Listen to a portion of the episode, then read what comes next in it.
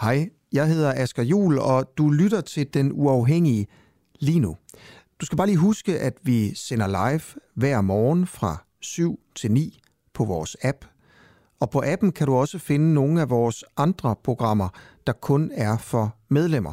For eksempel podcasten Spionchefens Hemmelighed, hvor jeg prøver at finde ud af, hvorfor spionchef Lars Finsen er sigtet for at lægge statshemmeligheder.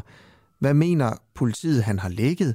Hvorfor ordnede man egentlig ikke sådan det her i hemmelighed bag gardinerne? Hvilken rolle spillede Mette Frederiksen egentlig, og hvem er Lars Finsen? Nå, ikke mere om alt det. Du kan høre det i podcasten. Download vores app og bliv medlem, hvis du vil høre for eksempel det her program. Ja, og så slipper du i øvrigt også for den her irriterende besked i din daglige nyhedspodcast.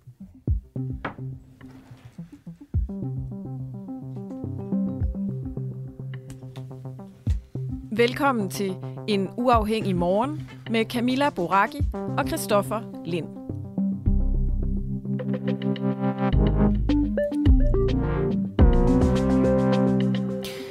Ja, velkommen til en morgen, hvor juraprofessor muligvis taler usandt. Statsminister har deres egne podcasts, og folketingsmedlemmer, de freder hinanden, fordi, ja, hvorfor egentlig? Jeg synes, det er svært at sige. Skulle jeg svare på det? Jamen, det var måske mere sådan et, et åbent spørgsmål. Mm-hmm. Selvfølgelig i kølvandet på, at, øh, at øh, i går blev Claus Hjort de facto fredet øh, på den måde, at hans immunitet ikke blev ophævet i kølvandet på, at han har bekræftet statshemmeligheder. Det er jo sådan lidt svært at formulere, fordi øh, det er jo også det, som, øh, som sigtelsen går på, men vi kender den ikke øh, endnu. Nå, men øh, det, det bliver nogle af temaerne i dag. Altså, vi starter med at spørge, om øh, tidligere chef for Forsvarets efterretningstjeneste også er i fare for at blive sigtet for landsforræderi. Ligesom Claus Hjort. Det øh, er noget, som juraprofessor Eva Schmidt mener. Det skriver øh, både Berlingske og Altinget. Øh, de bringer en kommentar med Eva Schmidt, hvor hun kommer ind på, at de her sigtelser mod Claus Hjort bunder i, at han i 2013 bekræftede Edward Snowdens lækager, der blandt andet afslørede, at USA kunne aflytte et telefonkabel, der går gennem Danmark. Men det, der er interessant, det er, at hun også skriver med henvisning til den tidligere chef for Forsvarets efterretningstjeneste, Thomas Arnkiel. I modsætning til, hvad mange kommentatorer skriver nu, er Claus Hjort ikke den første myndighedsperson, der har nævnt kablet offentligt. Og betyder det her så, at Thomas Arnkiel, ligesom Claus Hjort, kan se frem til en sigtelse, eller er han blevet sigtet? Vi kan lige spille en lille teaser for et interview, som Clara Lind har lavet med Arnkiel. Thomas Arnkiel. Hej Thomas, du snakker med Clara Vind. Jeg ringer ind fra en morgenradio, der hedder Den Uafhængige. Det er jo fordi, tilbage i 2013, der gav du et interview til Politiken, hvor du jo bekræfter, at der er et kabelnetværk. Øh, okay, nu, jeg ved godt, hvad du taler om. Okay, det stopper bræt det der, ikke? men det er fordi, det er en teaser. Det så... er en teaser, som man skal blive hængende mm-hmm. og høre resten af det interview. Vi har rent faktisk fået, fået fat i ham. Altså, vi spørger også i, uh, det er så i anden time, om, uh, som du også lige nævnte her, Camilla, om det i virkeligheden måske er Eva Schmidt, der simpelthen, altså simpelthen læst forkert. Der blev henvist sådan en interview i Politiken fra 2013 i alle de her artikler, som, øhm, som Dagbladet Information i hvert fald ikke er sådan ret imponeret over, altså Eva Smits ligesom læsning af det her, øh, det her interview med Arne Kiel. Anton Geis fra, fra Information, han har skrevet, Eva Schmidt har været i politikken, deadline og nu Berlingske med sin påstand, men den er og bliver forkert. Arndt Kiel talte i 13 om et indhentningssamarbejde i Afghanistan, ikke om det ekstremt sensitive kabelsamarbejde på dansk jord. Sebastian Gjerding, også journalist for Information, han er også rimelig klar i mailet. Han skriver simpelthen, Hvorfor er der ikke nogen på aviserne, der faktatjekker de her debatindlæg? De bliver ved med at sprede sig fra de her indlæg, selvom det er fake news. Han skriver også, at man nemt kan konstatere, at den væsentligste påstand i indlægget er komplet forkert, bare ved at klikke på det her link. Så jeg tænker, det, det er vel det, vi gør. Altså, hvis aviserne ikke selv gider, så kan vi jo godt prøve at faktatjekke øh, for dem. Vi har i hvert fald Sebastian Gjerding med klokken 8.10, og efter ham, så har vi øh, Eva Schmidt på. Men øhm, Camilla, jeg ved ikke, er det ikke bare øh, at starte ud med, med, med Claus Hjort her? Jo. Fordi kan, øh, eller slipper Claus Hjort for, for tiltale for, for landsforræderi. Det er der jo meget, der, der tyder på, efter at øh, konservativ Søren Pape, han i går besluttede ikke at ophæve øh, Claus Hjorts immunitet. Og så har flere medier jo skrevet, at nu er han øh, fredet. Mm. Det sagde du også i dit oplæg. Ja, det det er vel også det, der er meget, der tyder på, må man sige. Altså, det, det kan man sige. I hvert fald for nu. Men spørgsmålet er, hvor længe Claus Hjort så er, er fredet. For det er vel ikke noget, man ligesom er for, for evigt. Nej, der er jo også noget interessant i, at hvis ikke han genopstiller, så er han jo ikke dækket ind under denne her immunitet, som øh, medlemmer af Folketinget de har. Nu taler vi med øh, Ben Winter, han er samfundsredaktør på Berlingske. Han kan måske svare på det her måske simple, måske svære spørgsmål. Hvor længe er Claus øh, Hjort fredet? Lad os bare starte der, øh, Ben Winter, og øh, godmorgen. Altså Claus Hjort her. Hvor længe er han fredet? Jamen altså, i realiteten er han jo kun fredet indtil han ikke længere er medlem af Folketinget. Og han har jo selv sagt, at han ikke øh, genopstiller til, til næste valg, så eftersom at, øh, at det valg kan komme inden for, eller det skal komme senest om et år, så, så, så er det jo, en, så er det jo en, en, en immunitet, der udløber. Men hvis han nu skulle øh, ombestemme sig, og så sige, jeg tager sgu lige en øh, tørn mere i øh, e-, en tørn mere på borgen, så er han, så er han fredet. Ja, så vil man, så vil man jo øh, formode, at øh, Rigsadvokaten i det nye folketing måske vil fremsende en ny anmodning om at rejse tiltale mod Claus Hjort. Det vil sige, at Folketinget så måske skal tage stilling til det en gang til.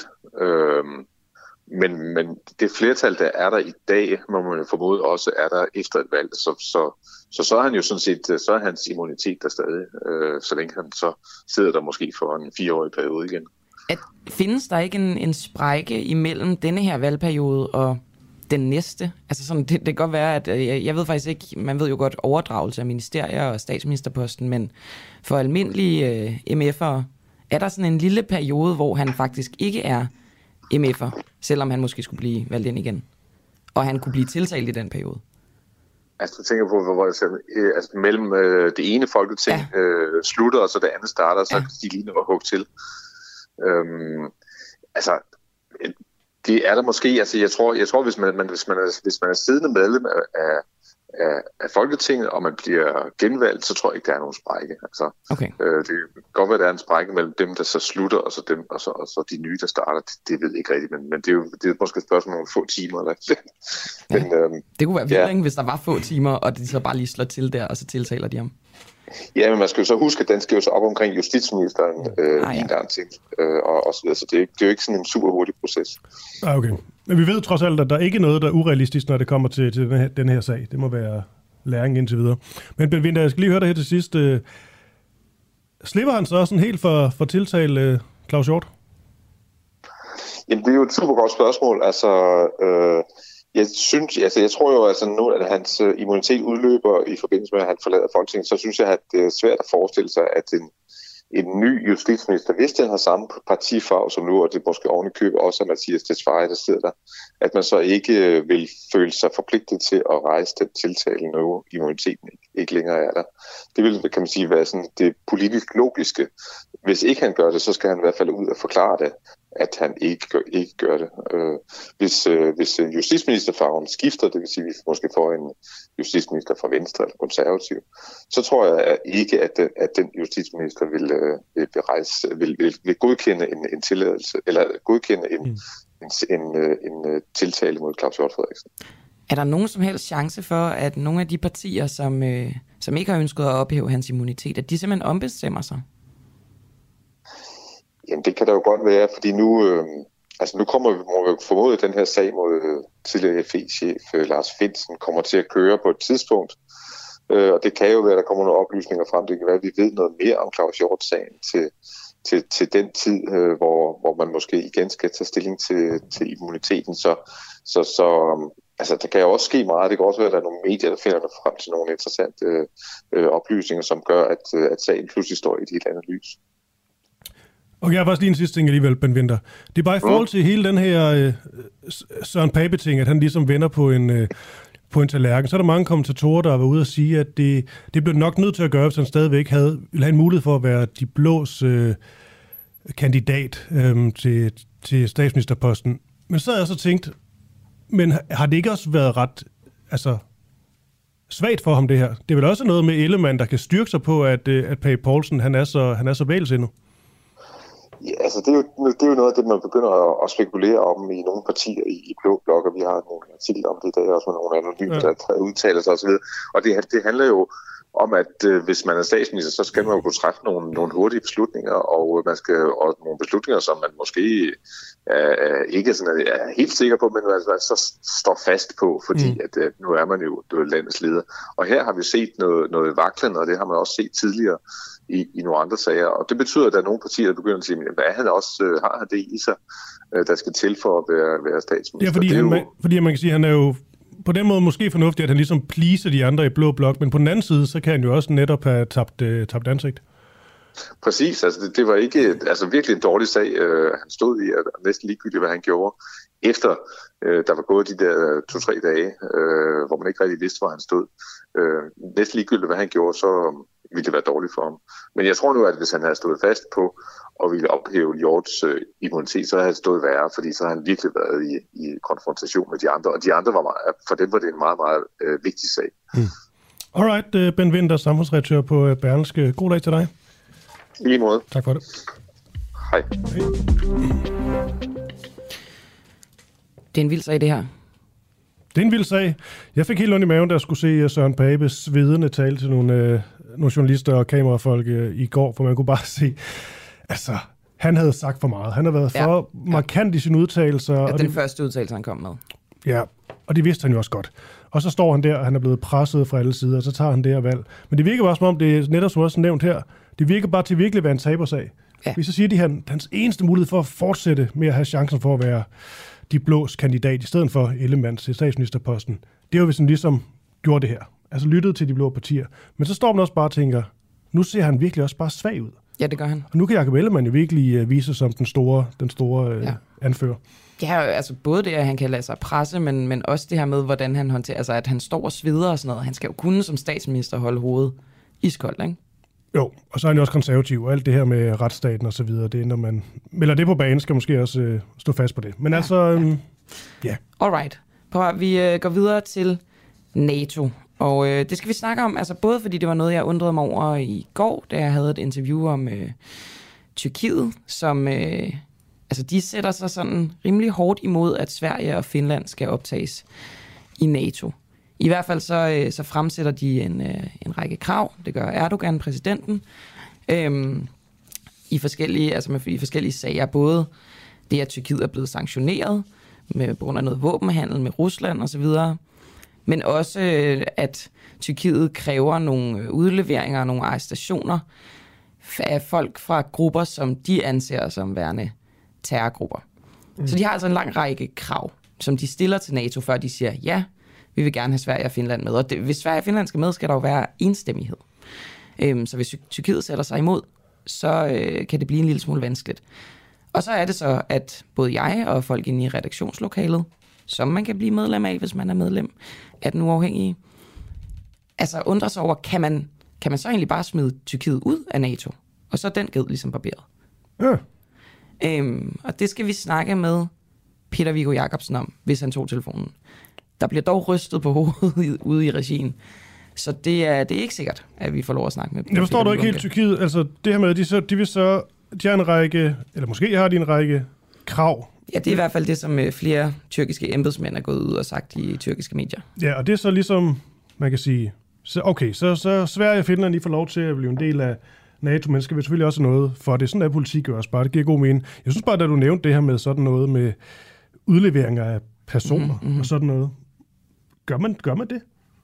På det her? Det, det ved jeg sgu ikke, altså. I det pæne NATO, skulle til at Det er jo sige. fordi, at Sverige huser nogle af de her personer, som Tyrkiet rigtig gerne vil have udleveret. Jeg, jeg ved ikke, om diplomatiet fungerer så, så vildt. Nej. Nå, vi får at vide, at, øh, at han simpelthen ikke er til at få fat i den gode øh, Peter Viggo Jacobsen. Så kan jeg måske afsløre, at det han sagde til mig i går, da jeg snakkede med ham, det var, at det kommer ikke til at ske. Altså, Tyrkiet er for øh, strategisk en spiller, øh, også rent geografisk for NATO, så det vil man ikke gøre. Altså, man vil ikke smide dem ud. Det gør det jo bare det hele endnu mere interessant. Men jeg vil også bare gerne vide, om man rent praktisk overhovedet kan, altså hvordan det foregår, hvis man skal smide et land ud af NATO. Så med det, du lige sagde der, Camilla, at du, man kan sige, du har jo, hvad siger Kokke, øh, du har snydt lidt. Altså, Ja. du, du har jo talt med ham, og siger så, hvad han... Hovedpointen, det han nok vil sige med os, Ja. ja. til os. Øh, er nogen grund til, at vi ringer op senere, hvis det er? Ja, det synes jeg alligevel lidt. Han, han siger det sgu på en bedre måde, end jeg gør. Ja, okay. Og måske også altså det her med, om det kan lade sig gøre i yderste konsekvens at smide øh, Tyrkiet ud. Hvad der så skal til og så videre, ikke? Ja, og så vender vi os mod øh, Storbritannien og Boris Johnson lige om et kort øjeblik. Men før det, Camilla, jeg synes lige, jeg vil nævne, at øh, vores statsminister, du sagde det også i indledningen, altså hun har fået en, øh, en podcast. Ja. Hun, Sådan lidt, øh, det- øh, sådan lidt sent til, til festen på en eller anden måde, men øh, hun har opdaget podcastmediet, Mette Frederiksen. Det har hun. Det hedder, øh, hendes podcast hedder Mette Spørg, som der var en, der påpegede på Twitter. Statsministeren spørger. Statsministeren Det er meget spørger. vigtigt. Ja, statsministeren spørger, som der var en, der påpegede på Twitter. Det havde været rart, hvis det hed statsministeren svarer. Og det er jo sådan set rigtigt nok. Ja, og første gæst i det program, det er Rune Lykkeberg, øhm, chefredaktør for Dagbladet Information. Jeg synes, vi skal lige gemme den lidt, Camilla, men jeg synes, vi skal tale mere om det her. Mm. Altså, hvorfor en mand som Rune Lykkeberg eksempelvis siger ja til det her? Fordi man kan jo godt sidde og tænke, sådan en som ham, han har prøvet, ligesom vi har, at få kontakt til Mette Frederiksen og ministre og så videre igen og igen og igen. Og fået utallige nejer Ja. afslag, og, og de er jo meget sådan topstyret Socialdemokratiet, Ja. siger absolut ikke ja til alting, og Mette Frederiksen vil jo gerne sammen have den, den gode, lange, nuancerede samtale, siger hun, men altså, den kan man godt få andre steder også. Det er jo det, det podcast blandt andet er, er der for. Du kan da sagtens få være med i lange formater. Det behøver ikke altid være sådan noget. Nej, nej, nej, hun Hurtig skal bare sige til, så rydder vi fladen. Altså, det, jo- Ja, men altså det her er jo så, det er jo hele brinken, det er, det er jo hende, der styrer det. ja, det er hende, der styrer det, hende, der spørger. Og så sidder Rune Lykkeberg jo lidt der som en nyttig idiot på en eller anden måde. i Det hende. ved du jo ikke, Kristoffer. Det kan Jo. jo godt være, at han bruger muligheden til bare at gå sygt kritisk til hende. Det gør han jo ikke. Nej, det, det, ja, ja, det, nu er jeg bare i en form for drømmeland, ikke? Okay. Den første, det allerførste, der blev sagt i podcasten, det er, Mette Frederiksen spørger Rune Lykkeberg, du drikker den sort? Fedt, du vil være med.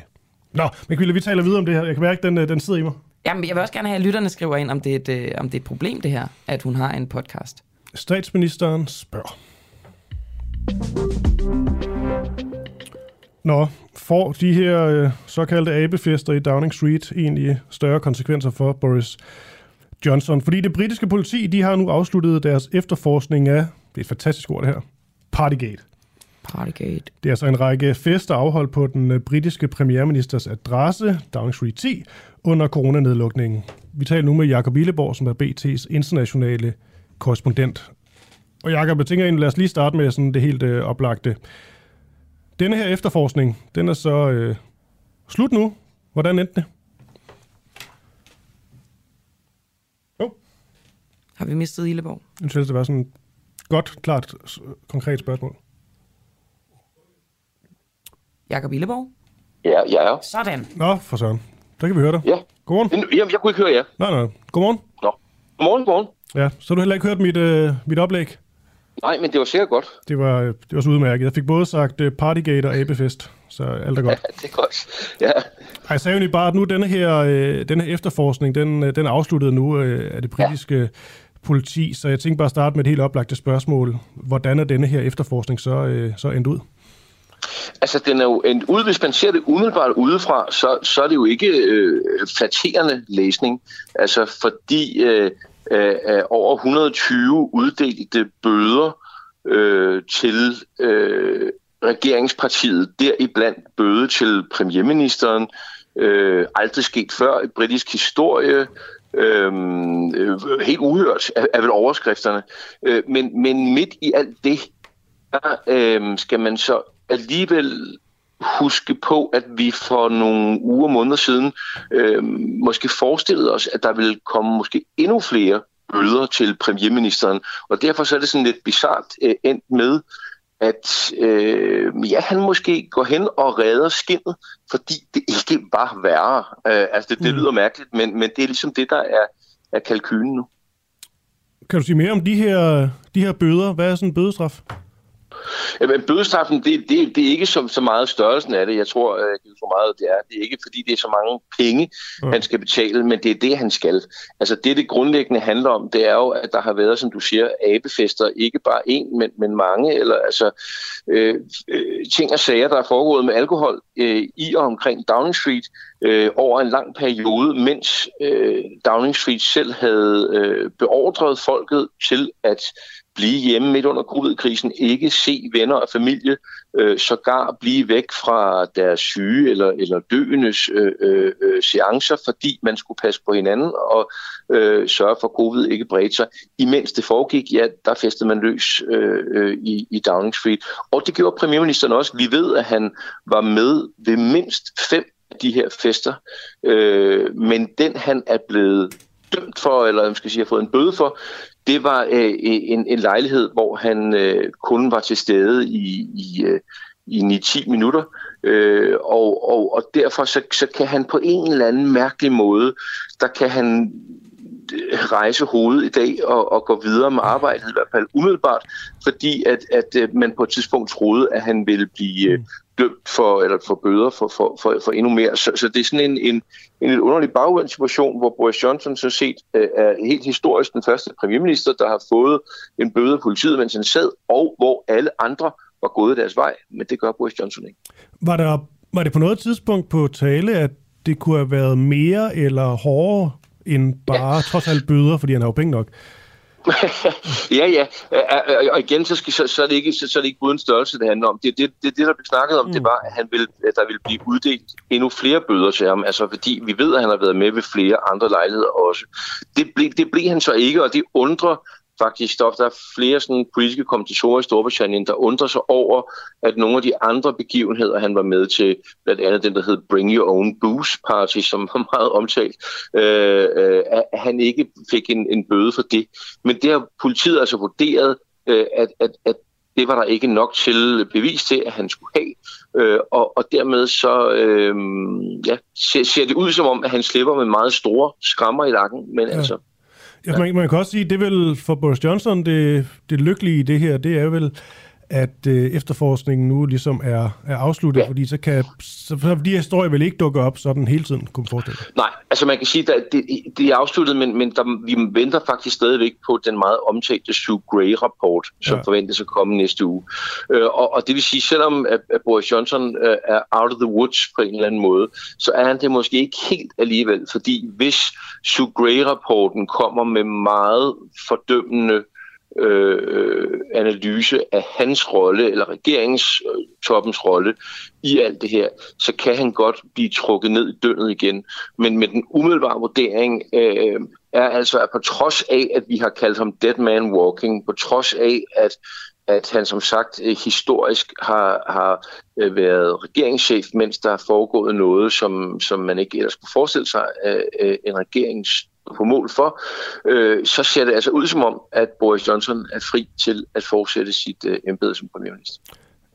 Der er jo ingen tvivl om, synes jeg sådan umiddelbart, at, øh, at det er ret idiotisk, det han har gjort, Boris Johnson. Altså som, øh, ja. som leder af et land, der er under total nedlukken, så er feste løs. Og man tænker også, hvordan han... Altså, han tænkte, det ikke ville blive opdaget og sådan noget. Men alligevel, ja. så hører man jo også om de her enkelte politikere, som har en eller anden særlig charme og måde ligesom at komme på en eller anden måde, jeg netop får charmeret befolkningen, fordi de ligesom er, som de er, og de er ikke bange for lige at feste lidt en gang imellem og sådan noget. Har der været noget af det? Altså er der nogen, der trods alt siger, at øh, Boris Johnson er også bare øh, menneskelig, og det er en lidt befriende? Ja, det, det, det, det har der, dem har der været mange af, og, og, og ikke mindst i, i en, blandt mange af dem, der, der stemmer på ham, øh, fordi Øh, et, så er vi lidt nu forbi, forhåbentlig forbi covid-pandemien, og to, fordi der var mange, der hele vejen synes, at den måde, man lukkede ned på, var for hård. Øh, så, så der er bestemt nogen, der, der har tilgivet ham meget, og synes, og, og hvad så, om han har drukket noget sport, og hvad det måtte være. Man skal bare også huske, at der var rigtig, rigtig mange, der havde den modsatte holdning. Øh, mange, der kom med historier om, hvordan de netop ikke havde kunne tage ud øh, øh, til, på hospitalet og se deres øh, døende familie, eller hvad det nu end måtte være, samtidig med, mm. at der blev drukket drinks i Downing Street. Så, så, så det, den her har jo selvfølgelig også delt befolkningen, men, men altså prøv at høre, det, Boris Johnson er en utrolig heldig premierminister, mere end noget andet. Dygtig ved ikke, om han er, men heldig er han. Han, han har overlevet øh, øh, mange skandaler allerede og blevet kaldt katten med de ni liv.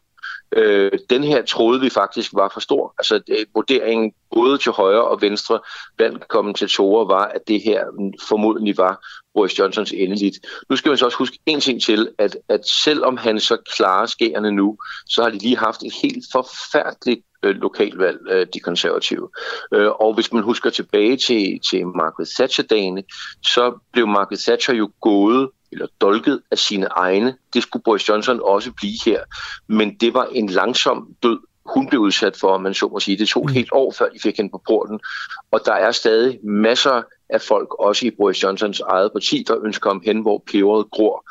Spørgsmålet er, om de bare trækker vejret nu og gemmer øh, de politiske knive inde under øh, jakken, øh, og så dolker til på et andet tidspunkt. Hvis Boris Johnson var en kat, hvilken race ville han så være? Jeg, jeg er ikke så god til katte, men han vil være en kat, der har mere end ni liv. Jeg tror, altså, han, han vil... en uh, mancun-kat. Sådan en stor, pjusket satan. Ja, ja, ja det, det kan der være noget om. Stor er, er, er, er, klart han, er, ikke, han er ikke... Nå, han er en baggårdskat. Baggårdskat i Disney-film, ikke? Nå, det kan man se for. Bag, Thomas en, en, en, en meget fin baggårdskat, så, ja, okay, sige. okay, okay. Det er en, der selv synes, han er en fin baggårdskat. Ja. okay, men han har i hvert fald øh, 10 liv, hvis ikke mere end det. Og, ja, det lyder sådan. Ja. BT's internationale korrespondent, som altid en fornøjelse, Jakob Bileborg. God dag til dig. Selv tak. I lige måde. Og jeg kan godt lide, når, han, når Illeborg virkelig bare giver den gas med øh, de her metaforer. Ja. Billeder. Ja, ja, ja. Det elsker vi. Prøv at... Skafottet, øh, knivstikkeri. altså, Jamen, det, det, er jo god, det er en god formidling, ikke? Prøv, øhm, jeg kommer lige med en, øh, en klargørelse eller en, øh, en udredning.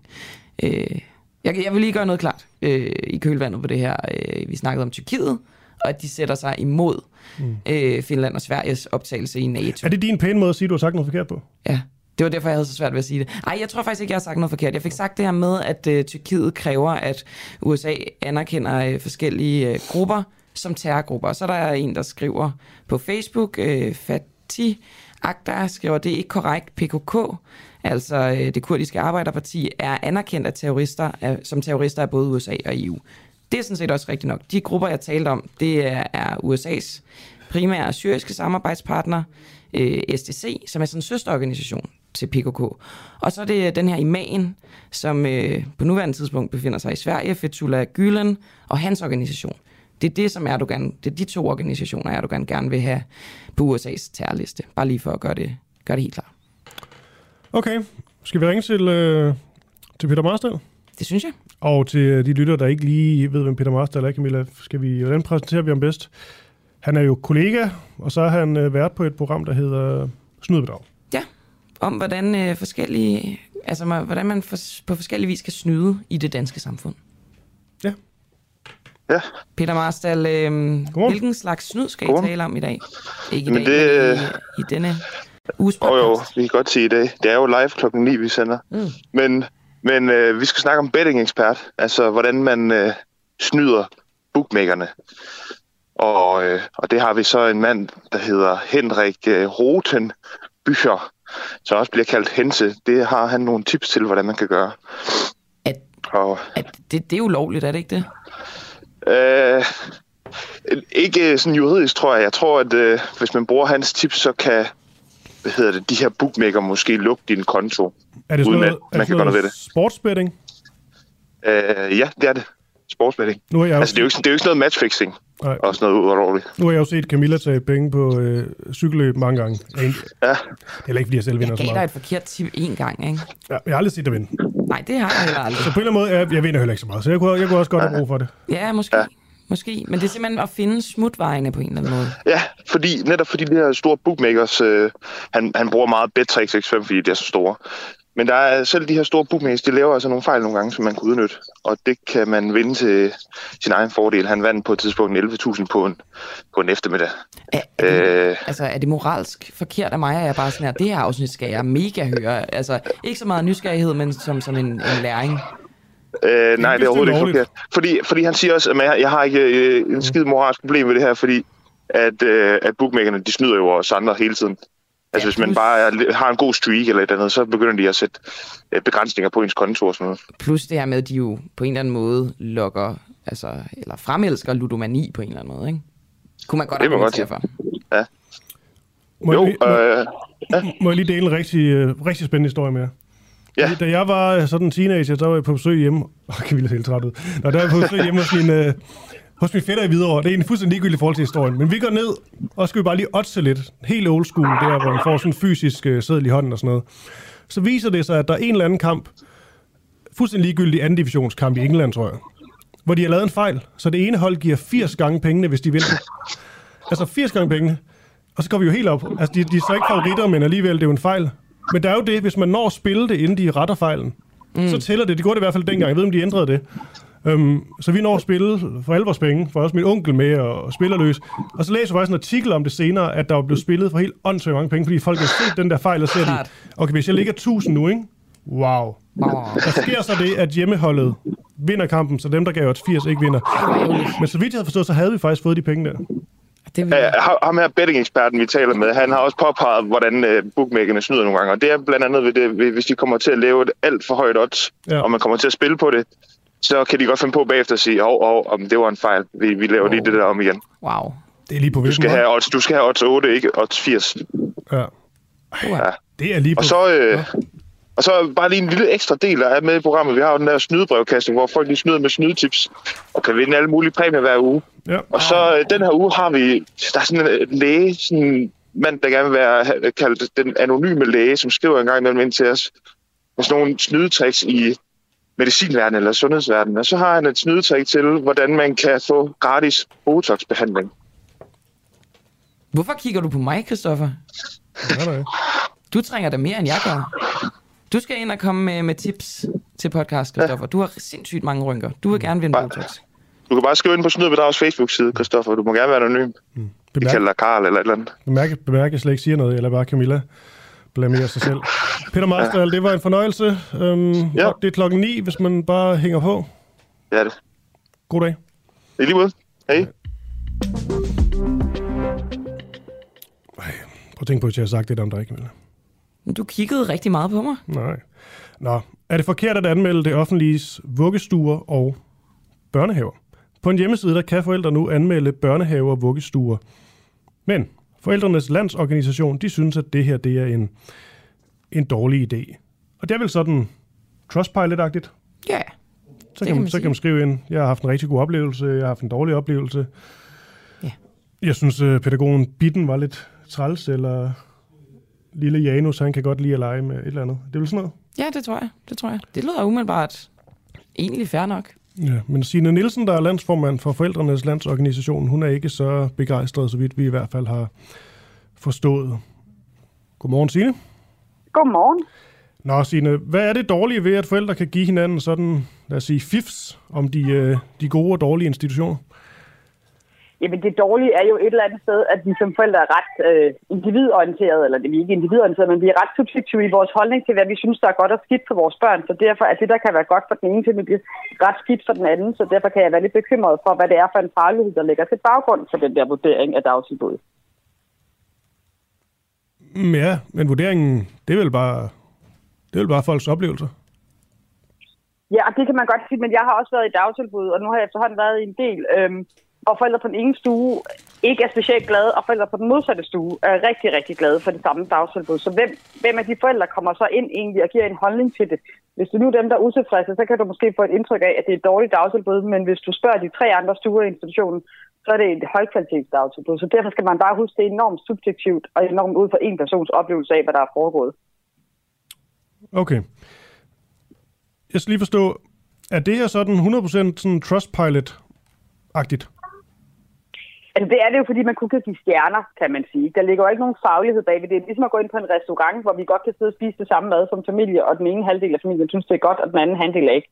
Så hvis vi går ind og laver en, en vurdering, ligesom inden for Trustpilot, så vil nogen give det stjerner, og nogen vil give det ingen stjerner. Og det er jo det, der er problemet. Der er ikke nogen professionel vurdering, som der er i de offentlige tilsynsrapporter, hvor man går ind og kigger på, hvordan er samarbejdet, at børn øh, har en samtale med forældrene, mm. og hvordan er forældres samarbejde. Altså, det er der jo ikke overhovedet. Men hvis du nu skal, man kan sige, du er, du er taget til en anden by, du ikke kender så godt, og du vil gerne ud og spise øh, indisk, så kan man vel ofte ind lige at søge på indiske restauranter og sådan noget, og så er der der mange, der går ud fra, ligesom bruger sådan noget som Trustpilot eller andre tjenester, til ligesom at se, hvad folk egentlig skriver om denne her restaurant, er det godt eller skidt, god eller dårlig service? Osv. Synes du, det er en, er en god idé? Ja, altså det kan jeg måske bedre forstå, også fordi det er en engangsoplevelse. Øh, det her er noget, der skal vare for de fleste mennesker, hvis det er integreret for barnet er et til det er lidt over fem år gammelt. Det er en meget længere relation, og et dagtilbud kan også hurtigt ændre sig. For, altså, der skal ikke så meget til, der skal nye medarbejdere til, så har du en helt anden situation, end den du havde måske for tre måneder siden. Så jeg synes, det er sværere at vurdere mit dagtilbud ud fra en rating på en hjemmeside. Okay, men sådan groft sagt, så det med at rate private virksomheder, øh, eksempelvis på Trustpilot, det synes du er okay, men ikke offentlige institutioner for, for børn i hvert fald? Altså, jeg synes, det er okay at rate et produkt, som du køber. Hvis jeg køber en sofa og ikke synes, den er god nok, ja, så må jeg gerne sige, at den var ikke god nok, den var ikke til min stil. Men at rate en personlig relation mellem to mennesker, det synes jeg er langt sværere. Mm. Men det er vel også, altså nu er jeg selv øh, far til to små unger, så jeg ved alt om det her med institutionslivet. Det er vel også på sin vis et produkt. Altså man taler jo egentlig om, sådan er, er børnene glade for lige at være eksempelvis i, i børnehaven eller, eller vuggestuen. Kunne man finde en, der var, en, der var bedre og så videre. Så på den måde bliver der vel også givet et produkt. Altså man, man betaler mange penge for det her, så man forventer jo også ligesom, at maden er i orden, at øh, de får gået de ture, de skal. Hvad det ellers skulle være? Ja, og jeg synes et eller andet også, at det her tyder på, det er, at kommunerne har svigtet. Altså deres hjemmesider og deres, det jeg kalder tilsynsrapporter, har simpelthen ikke været gode nok, og har ikke ligget så offentligt tilgængeligt, så forældrene nemt har kunnet danne sig et overblik over, hvad er det egentlig for en institution, jeg tilvælger. Har de nogle udfordringer, de arbejder med? Har de en speciel tilgang til børn? Har de en indkøring, der passer til min familie? Altså alle de ting, som vi som forældre gerne vil vide, det burde ligge langt mere offentligt tilgængeligt på institutionens hjemmesider. Mm. I forhold til det her eksempel med, øh, nu fik jeg sagt en, øh, en indisk restaurant et eller andet sted, øh, kontra, kontra det, vi snakker om her, så siger du det her med, at det er jo sådan en ofte en engangsoplevelse. Altså, det er en enkelt aften, man ligesom vurderer det her på. Det er det et, et noget længere sejre træk. Men det gør vel egentlig også, at denne her vurdering på en eller anden måde bliver mere seriøs og velbegrundet. Altså, man, man vurderer ud fra sådan et længere bekendtskab med, en, øh, med et sted? Ja, men det kan også nogle gange, og det er det, jeg godt kan frygte. Øh, der var en lærer, der skrev inde på mit Facebook-opslag i går, at hun havde haft en far, der ligesom havde kritiseret hende, fordi hun havde bedt klassen om at rydde op i nogle ting, hvor hun siger, ting, hvis han så havde gået ind og rated hende dårligt, fordi de lige havde været uenige omkring den ene ting. Altså, der er jo et eller andet i, at vi danskere har en tendens til, at vi er rigtig gode til at være kritiske, og vi er også rigtig gode til at reagere på vores kritik. Men det store tavse flertal skriver tit ikke så meget ind, og det kunne godt lidt være min frygt ind i det, at det er en persons oplevelse eller en persons utryghed, som giver sig til genne på sådan en hjemmeside. Fordi du har ret i, det er et produkt, vi køber, og det er nok det dyreste produkt, vi overhovedet bruger som forældre. Ja, det er dyrt. Det, det er sindssygt dyrt, ikke? Så derfor kan man godt, jeg kan godt forstå, at der er et behov for det, men jeg kan godt have den der frygt i, at det, altså, er det enkelte oplevelser, hvor man lige er blevet uvenner med pædagogen, som gør, at man så sætter sig ind ret hurtigt at lave nogle stjerner. Mm. Også fordi det er nemmere altså det er jo meget nemmere at lave nogle stjerner, end at skulle skrive en hel af fire tider om, hvad det er, man synes, der er godt og skidt ved det. Mm. Men det her med det, det tavse flertal, det er sikkert en fuldstændig god og valid pointe, men jeg forstår ikke helt, er det så nogen, der måske er mere positivt stemt over for stedet, øh, der, der ikke vil skrive ind, eller hvad, hvad du tænkt der? Ja, altså det er fordi, at, at dem, der er positive over for stedet, og som ikke har en kritik af det, de vil som regel aldrig reagere på det. Mm. Altså de, man, men hvis man kigger rundt omkring i, i de danske kommuner, så er det dem, der er utilfredse, der hurtigt skriver til kommunen eller brokker sig. Men hvor har du, Men det? det kan godt... hvor du har det fra egentlig? Altså, det er jo fordi, jeg nu har siddet i det her emne bag ved en forældrerådgivning i, i, i et par år efterhånden, og også, øh, altså, Fola har jo gjort det i lang tid. Og vi kan se de institutioner, vi har været ude i at hjælpe med klagesager eller forældreudfordringer eller andet, så er det langt fra alle forældre, som er enige, og det skal gå ret langt ud øh, i en uoverensstemmelse mellem en gruppe forældre og en del af personalet, for resten af forældregruppen kommer frem og siger, men vi er faktisk ikke enige med jer. Altså, vi har det faktisk godt her, vi oplever, at vores børn trives. Mm. Fordi det er jo, altså det er jo, fordi det er subjektive oplevelser, så er det også svært som positiv forældre at gå ind og sige, men jeg er ikke enig i din kritik. Men hvad hvis, men hvad hvis man, øh, hvad hvis man så kun giver stjerner? Altså man ikke skal skrive noget. Så er det vel egentlig bare meget færdigt, ikke? Jo, og det er det, jeg synes, der er for nemt. Altså, ja, fordi egentlig har, vil jeg næsten have det bedre ved det, hvis du skulle skrive en der fire side, eller var tvunget til at skrive i den, fordi så kommer du også automatisk til at reflektere over din egen oplevelse. Ikke? Fordi hvis du lige går derfra, og du føler dig ramt af et eller andet, så er det nemt, du ved, bare lige åbne en øh, app, dum, dum, dum, dum, dum, så har du givet fem sure smileys, ikke? og så er du videre. Men det kan have kæmpe store konsekvenser for den pågældende institution. Ja. Men så, hvad gør vi så her? Fordi øh, øh, kun stjerner, det går ikke. Øh, stjerneanmeldelser, det går heller ikke. Øh, så er det sådan, så kan man sige, at man helt dropper de her anmeldelser eller vurderinger, men hvad, det er vel også lidt problematisk, er det ikke? Og, og det er jo også urealistisk, for de foregår jo alle sammen på, allerede på de sociale medier. Så i realiteten, det jeg har sagt, og det har jeg sagt hele vejen igen, der, nu skal de kommuner komme i gang. De er blevet pålagt i den nye dagtilbudslovgivning, at deres tilsynsrapporter skal ligge offentligt på deres hjemmeside. Det kunne de jo starte med, så kunne de også have skrevet dem i sprog og måske sat dem op, så de er nemt tilgængelige for forældre. Staten har lavet en dagtilbudsportal, den skal desværre først virke på 2024, hvor alle dagtilbud ligger, hvor man kan se nummeringer, Måske skulle man også sætte pædagogandel ind, øh, måske skulle man også sætte øh, alle tilsynsrapporterne skal der ind, og så kunne man også sætte deres handlerapporter Altså man kunne jo gøre rigtig meget, den er lavet, så det er jo op til kommunerne selv at sørge for at fortælle forældrene, hvad er det for et dagtilbud, I får her. Mm. Signe Nielsen, ja, det er, det, det, er en, det er en spændende snak, det her, og det lyder til, at den i hvert fald ikke er afsluttet lige forløbig. Men øhm, ja, landsformand for forældrenes øh, landsorganisation, og i hvert fald ikke begejstret for denne ved idé om at øh, anmelde det offentlige vuggestue og børnehave. Det kan vi godt slå fast. Det kan vi helt sikkert godt slå fast, ja. Men jeg kan godt forstå behovet af dig. Okay, og du hedder jo Signe Nielsen, og øh, god dag til dig. I lige måde. Hej. Og ja, og skal jeg bare sige, ja. nej, det er bare, man finder ud af som forældre, at når man ligesom har to børn, så når det andet barn ligesom starter i, øh, i børnehave, så bliver man lidt lettet, for det er billigere. Ja. Og så får et barn igen i vuggestue, finder ud af, at det er sindssygt dyrt. Jamen, det er jo, ja, det, det er dyrere i vuggestuer end i børnehaver, ja. fordi nummeringen er bedre. Prøv, jeg, jeg startede... Det bløder da, penge. Da, ja, okay. Det er synd for dig. Så har du slet ikke råd til Botox og alt muligt. Men prøv at, da du startede det her interview, så tænkte jeg, hvorfor i alverden ikke? Og da du så sluttede det her interview, så tænkte jeg, på sådan et afsnit af Black Mirror, hvor man går rundt i samfundet, og folk hele tiden rater hinanden, så har man sådan, mm. sådan en stjerne op over sit hoved, som kan blive fyldt og ikke fyldt. Og så synes jeg lige pludselig, det var skræmmende, hvis vi skulle gå og rate alting ja. lige pludselig. Der er en lytter, der har skrevet en René Bigum. Problemet med den slags anmeldelser er, at folk sjældent tager sig tid til at skrive om de gode oplevelser. Det var også vores uh, pointe her fra, uh, fra Sine. Og uh, det er der sikkert også uh, noget i. Men det er, det er en svær snak, fordi er det også rart, hvis man lige kan læse en anmeldelse, og så ser, at uh, det er helt håbløst eller et eller andet. Ja, ja, det er det samme, når man vælger læse, så er det også sådan, hvad, hvad vælger man det ud fra? Det er at skyde med, med spredehavl i blinde, ikke? Ja, men nu er det Peter Velblom, det, det handler om noget, noget ganske andet. Ja, et tweet, som, øh, som han lavede i går, hvor han skriver, øh, han, han ligger til et billede, hvor der står to af ud af tre af EU's militære operationer har til formål at beskytte fossile interesser.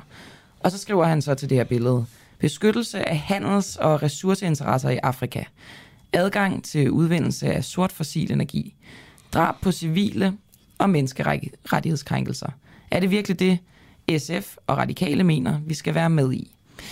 Det er jo sådan øh, lidt øh, stærkt malet op på en eller anden måde. Øh, Peter Velblund. Øh, nå, han er med. Det er godt. Peter Velblund, godmorgen.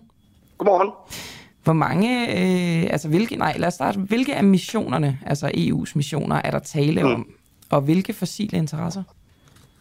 Ja, altså det er jo blandt andet øh, aktionen i, øh, i Mozambique, øh, hvor nogle af øh, de største uudnyttede gaslager øh, ligger, øh, blandt andet i et område, der hedder Cabo Delgado.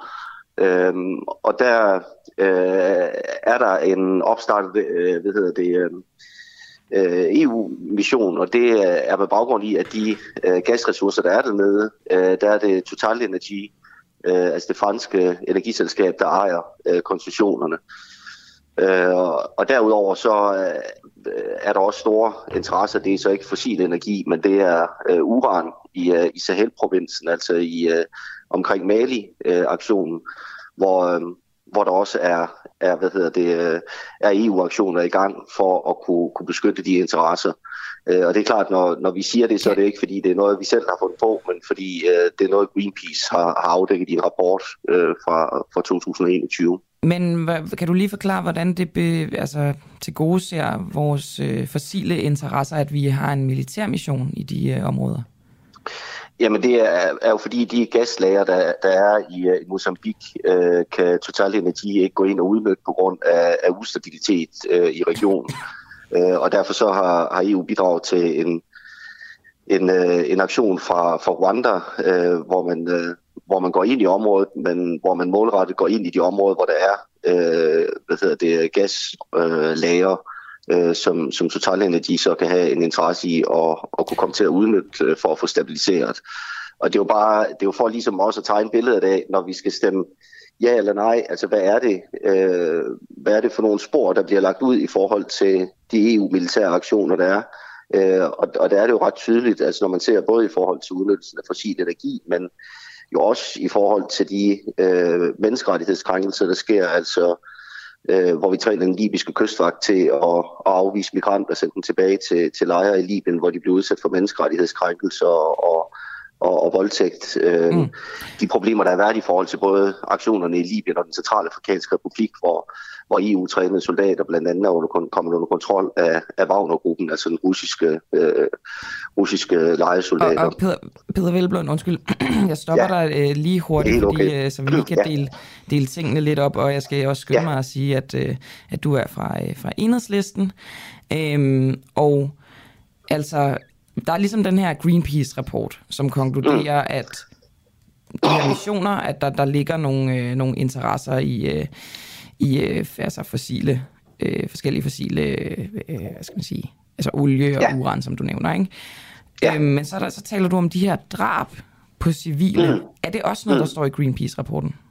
Nej, nej, det er noget, der er dokumenteret øh, på anden vis, altså blandt andet fra FN-rapporter, øh, også hvor, hvor EU-trænede soldater har, har, har deltaget i, øh, i menneskerettighedskrænkelser og, og dræb på civile. Altså det er ikke, det er ikke EU-soldater, der har gjort det, det er nogle af de øh, EU-tropper, som eller undskyld, nogle af de, øh, de tropper, som, som EU har, har bistået med, med uddannelsen af.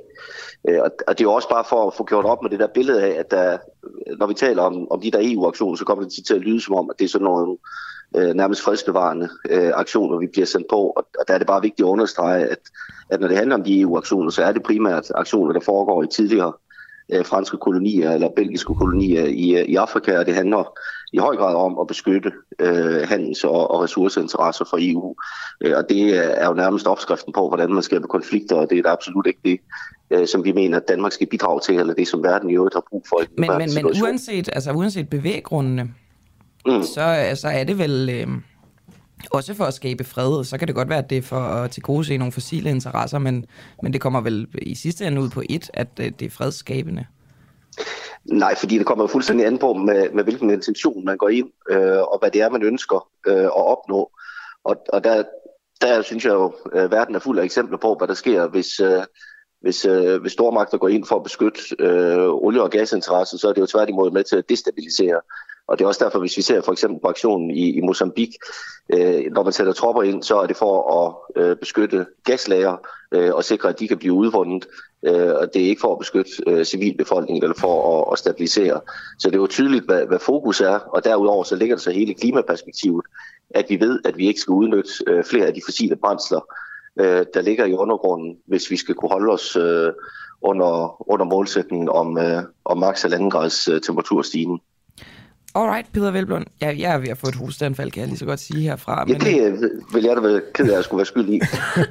ja, det er heller ikke din skyld. Det er nok uh, cigaretter og sådan noget. Jeg bliver også ved med at kalde dig, kalde dig Peter. Det gør jeg altid. Men du hedder jo Peter. Ja, men det, bare med det. Ja, ja. Jo, jo, men det er også lidt kompliceret. Men det, kan man det er sige. helt okay. Det kan man sige. Ja. Nå, men, uh, men tak fordi du var med. Men, men den snakker vi også på et tidspunkt. Ja, ja, det er helt klart. Jeg, jeg har en god ven, der er stadig med det, der hedder Peter Byberg, men det er også meget vigtigt, at man siger Peter. Og det Jamen, skal vi selvfølgelig det, respektere. Det, det, synes jeg er svært. Ja, men det er klart.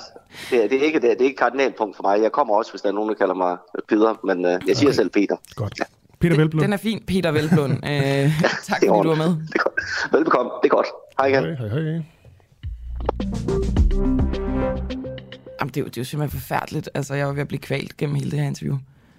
Ja, ja det, det var du.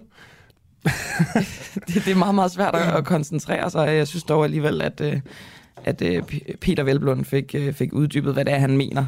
Og det er jo meget spændende altså at få nogle andre perspektiver på de her EU-missioner, som vi kan få adgang til at være med i, hvis forsvarsforbeholdet bliver ophævet den 1. juni.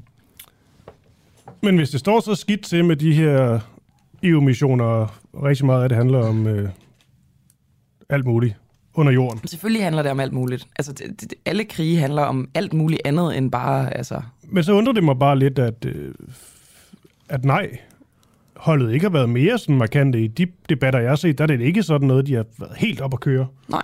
Om de her missioner, og hvor frygtelige de er, og, og hvad det egentlig er, vi, øh, vi siger ja til. Det er en god pointe, fordi det er jo et stærkt skyts at komme med, kan man sige det, og det er mærkeligt, at det kommer i et lille bitte tweet fra øh, en medlem af enhedslisten, hvis det er så godt et argument. Men det kan jo godt være, at nej-siden ligesom bare har valgt at gå med nogle andre argumenter. Mm. For man skal ikke søge meget, man skal bare søge lidt på noget med, med Frankrig og Roma, øh, råstoffer og sådan Ja, ja, noget. så, så kommer der nogle historier frem, der i hvert fald er, lad os sige, interessante i forhold til, øh, hvorfor de måske er aktier nogle steder mere end andre. Måske er det, fordi det er svært at sådan, altså fuldkommen bevise. Øhm, og måske er det bare fordi, at nej-siden har valgt at gå med, med suverænitetsargumentet og, og tab af samme, ikke? Ja, nå, Camilla, nu skal vi høre nogle, øh, klokken er blevet øh, 57, og øh, nu skal vi høre nogle, tænker jeg, sjove, meget korte klip. Blandt andet med Magnus Heunicke, vi har fået i tale.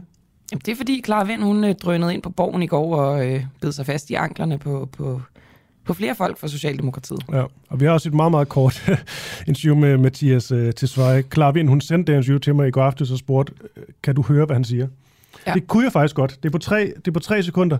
Det lyder lidt, som man kan huske de der øh, dvæve, der sådan taler mærkeligt baglæns i Twin Peaks. Men prøv, at- det er fordi, at det er mig, der har prøvet at rense lydsporet, så man bedre kunne høre det. Er det rigtigt? Ja. Jeg kunne faktisk godt høre det. Åh, det er godt. Men det, det er lige op til lytten. Det er til allersidst i det, vi spiller nu. Der, der er det altså lige at spidse, spidse ører og høre, man kan, man kan høre, hvad Tesfaye rent faktisk siger, til bare at skrive ind, hvis det er.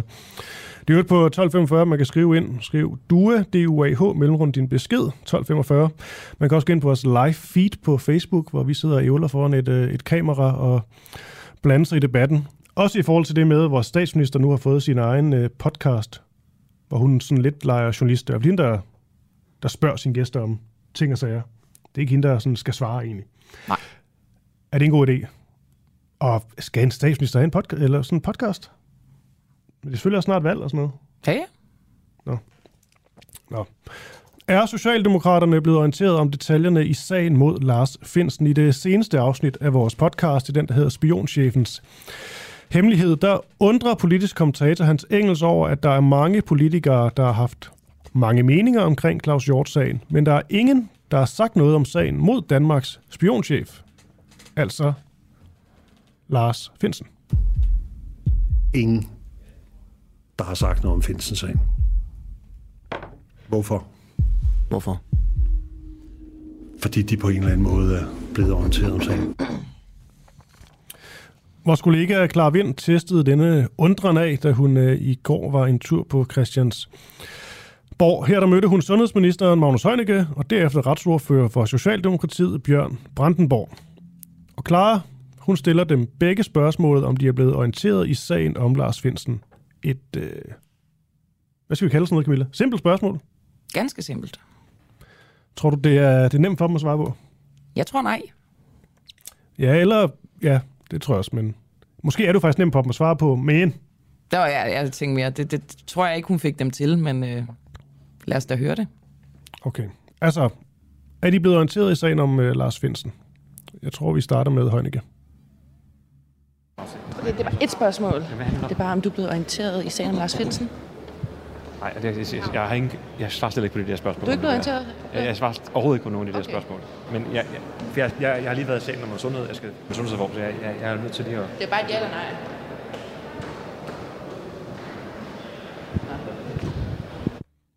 Det var hverken ja eller nej. Bjørn Brandenborg. Må jeg spørge dig noget? Det går an på, hvad det er. Jeg kommer fra en. Det er bare i forhold til FE-sagen. Ja, nej, det skal du spørge mig. Altså ikke med Hjort. Nej, men det, jeg har da ikke noget at sige til det. Så jeg må ikke stille dig spørgsmål med det. Du får bare ikke noget svar, så jeg tænker, Okay. det er sådan lidt... Øh, Jeg vil bare høre, er du blevet orienteret om sagen med Lars Finsen? skal man sige til det? Det, det er ægte journalist, det der, ikke? Nej, du må ikke spørge. Lad være. Nej. Jeg spørger bare lige alligevel. Ja. det er skide godt. Hun gør faktisk noget godt øh, generelt klar, at hun, hun, hun er meget glad for at lave den der... Jeg skal bare lige vide, eller jeg skal bare lige, jeg vil bare gerne lige spørge. Ja, ja. Efter hun lige har vide, men så bare lige sådan... Ja, ja. Ja, det er super. Det er super godt. Jeg kunne godt lide Højnække, der bare er sådan... Sundhedsreform. Sundhedsreformen. Ja. Jeg, jeg, ved, jeg skal sundhedsreformen. Der sker der faktisk noget med dag, den dag, ikke? Nå, det kan da egentlig godt være. Jeg tror, jeg, 9, 9.30, der tror jeg, der bliver lagt noget nyt frem. Nå, Her står der noget. Det kan vi lige tage hurtigt.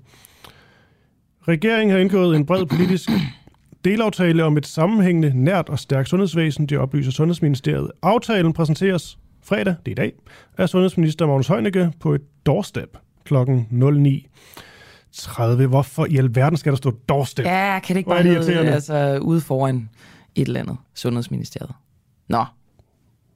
Vi skal tilbage, vi skal tilbage Godt, på borgen og, og, og, og klare vind, ikke? Fordi hun talte også med Mathias Tesfaye. Doorstep. I den anden ende af gangen, der sad den netop nyudråbte justitsminister netop Mathias Tefaj i uh, samråd, hvor han skulle svare på, hvordan regeringen har været involveret og orienteret om efterforskning og sikkelsen af Claus Hjort. Frederiksen, der er klar vind her. Hun uh, mødte ham foran samrådet. Der ville uh, hun gerne have spurgt, om regeringen havde indflydelse på anholdelsen af netop Lars Finsen. Men som du kan høre i uh, klippet her, så tør Tesfaye ikke at svare på spørgsmålet. Fordi Nej, jeg vil faktisk ikke sige, hvad han svarer. Man skal lige selv prøve at høre det. Ja, med spids ører, for det er svært at høre. Ja. Jeg tager ikke. Jeg kommer til at fuck op. Okay, prøv lige igen. Jeg tager ikke. Jeg kommer til at fuck op. Jeg tør ikke. Jeg kommer til at fuck op. Jeg tager ikke. Jeg kommer til at fuck op. Altså, grunden til, at det lyder som et akvarie, det er fordi, at øh, jeg har fjernet støjen. Så bliver det sådan lidt underlig lyd.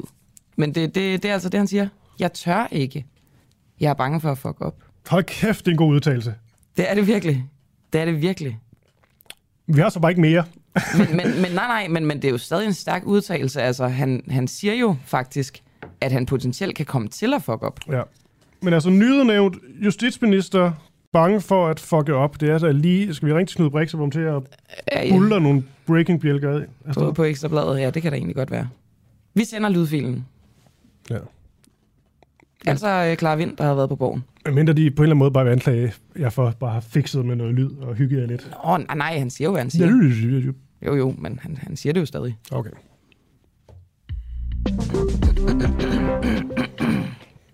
Uha. Nå, vi bliver i øh, det her med øh, Lars Finsen-sagen og øh, Forsvarets efterretningstjeneste osv. Vi har jo, som du også nævnt, før den her podcast, som hedder Spionchefens Hemmeligheder. Der er netop udkommet et nyt afsnit, som sagt med Hans Engel, øh, hvor øh, Asger Jul øh, sammen med Hans Engel kigger på, om regeringen havde indflydelse på, at Lars Finsen blev anholdt, sigtet og varetægtsfængslet.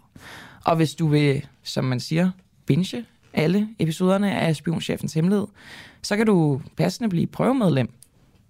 Det er sådan en kampagne, vi kører, hvor du kan blive gratis prøvemedlem i 14 dage, øh, og så får du altså adgang til blandt andet øh, podcasten Spionchefens Hemmelighed, som er sådan en eksklusiv podcast, vi har her på Den Uafhængige. Øhm, du kan gå ind på vores hjemmeside, duah.dk, og så kan du øh, skrive dig op til at blive medlem. Men skal vi ikke lige spille, hvad skal man sige, noget, en teaser for podcasten Spionchefens Hemmelighed? Det er sådan lidt det best of klip. Det var store beløber, hvor jeg vandt på, en, på to gule kort, 363. Jeg tror ikke, det var det. Det lød som en, øh, en anden podcast. Jeg er ikke sikker på, at klippet ligger der. Nu kigger jeg på dig, producer Oliver Noppenau. advarer lige om, det kan være, at vi mister forbindelsen. Det kan være, at vi mister forbindelsen, når, når klippet bliver lagt over. Jamen, skal vi så måske lade være? er, det, er det det værd, Oliver? Er vi det, helt er, det er sikre? jeg ikke sikker på. Nej, skal vi ikke bare droppe det? At, det er en rigtig, rigtig fed podcast, hvor at... Ja, Oliver, det, det, vi tager den, øh, vi tager den på, på mandag. Mm. Men, men skal vi så ikke høre en... Fordi nu har vi da den her liggende for, for snyd og bedrag. Jeg tror, det er det, vi talte om med Peter Marstal om tidligere. Jo, det er selvfølgelig lidt et kursskifte, når vi sidder og reklamerer for spionchefens hemmelighed, men det taler måske for sig selv. Det er spændende alt det her. Det, det virker som en øh, film. Det er jo en kæmpe skandale, at chefen for Forsvarets efterretningstjeneste er blevet øh, fængslet. Det er der en masse interviews om. Det er super interessant. Gå ind og lyt til den podcast. Og så over til snyd og bedrag. Ja, og det er jo simpelthen, øh, fordi snyd og bedrag, vi talte med Peter Marstal om tidligere, det, øh, det bliver jo ligesom sendt her. Vi prøver jo så vidt muligt ligesom at holde, man kan sige, flowet kørende, så hvis man hører med live nu på appen, ja, appen, vel også på, nej, er det bare på appen? Jeg tror bare, det er på appen. Ja.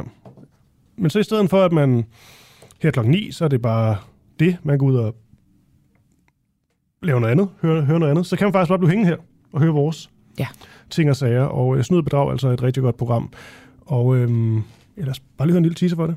Det var store beløber, hvor jeg vandt på, en, på to gule kort, 363.000 kroner. Og så har jeg haft flere kuponer, hvor jeg har vundet 100.000 og 50.000, og det kan være på et enkelt stående gule kort. Det er jo helt vildt. Altså, Må jeg lige prøve at høre. Altså, på to gule kort kan du, vandt du 363.000. Ja. Hvor meget og hvor stort et odds gav de her to gule kort? 1000, øh, 1000 gange igen. 1000 gange igen. yes. hvad havde du så lagt? Jeg kan ikke regne ud. 363. Yes. Hvad? 363. Okay. Og- okay, og det er så... sindssygt. Således altså øh, snyd og bedrag. Jeg, jeg har lige en øh, tanke, Christoffer, inden vi skal snakke med, øh, med formanden for børnelægernes sammenslutning om, at øh, børn ikke har det så godt for tiden. Men inden vi skal det, så har jeg bare en tanke i forhold til Mette Frederiksens podcast. Mm-hmm.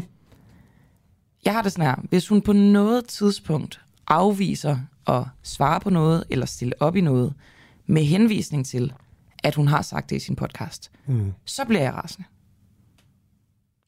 Ja. Altså hvis det direkte kan, kan gå ud over adgangen for øh, uafhængige journalister, altså uafhængige i den forstand, at de ikke er med i partiet, øhm, så, så bliver jeg rigtig, rigtig vred. Man kan også godt tænke lidt over finansieringen. Altså det er statsministerens podcast, men det er partiet, der betaler. Der, der kunne godt være noget der, der ikke var helt kosher, tror jeg. Jamen altså, øh, der har været en eller anden, siger en eller anden, jeg vil ikke huske hans navn, medieforsker mener, der er derude i politikken og kritiserer det lidt. Øhm, det her med, at så burde det trods alt hedde partiformanden. Mm, lige nøjagtigt. Ja, ja. Præcis. Mm. Og så er der alt det her med, at øh, på en eller anden måde, så bliver Rune Lykkeberg bare lidt en del af hendes, øh, Mette Frederiksens valgkamp. Hun kan i hvert fald bruge ham lidt som på, på sin egen øh, branding. Men jeg synes, vi skal, vi skal tage den op lidt senere i, øh, i, i dagens program. Først lad os bare lige tage det her med Claus, øh, Claus Birkelund. Det er en, øh, en alvorlig og søs øh, snak om, hvorvidt øh, danske børn er ramt af sådan en generel øh, mistrivsel. Claus Birkelund, som sagt, formand for bør- børnelægernes øh, sammenslutning. Antallet af børn, der bliver indlagt med en overdosis af paracetamol, er steget de seneste par år, og tendensen ser ud til at fortsætte. Det skriver Berlinske. Det er et udtryk for generel mistrivsel blandt unge under og efter coronapandemien, det mener børnelægen Claus Birkelund her. Lad os bare starte der, øh, Claus. Du nævner, at, at mistrivselen kan skyldes manglende evne til at opfylde krav for forældre og skole. Men hvilke nye krav for forældre og skole er det, som børnene skal forholde sig til, som de så ikke skulle før 2020 er det vel? Og godmorgen. Godmorgen.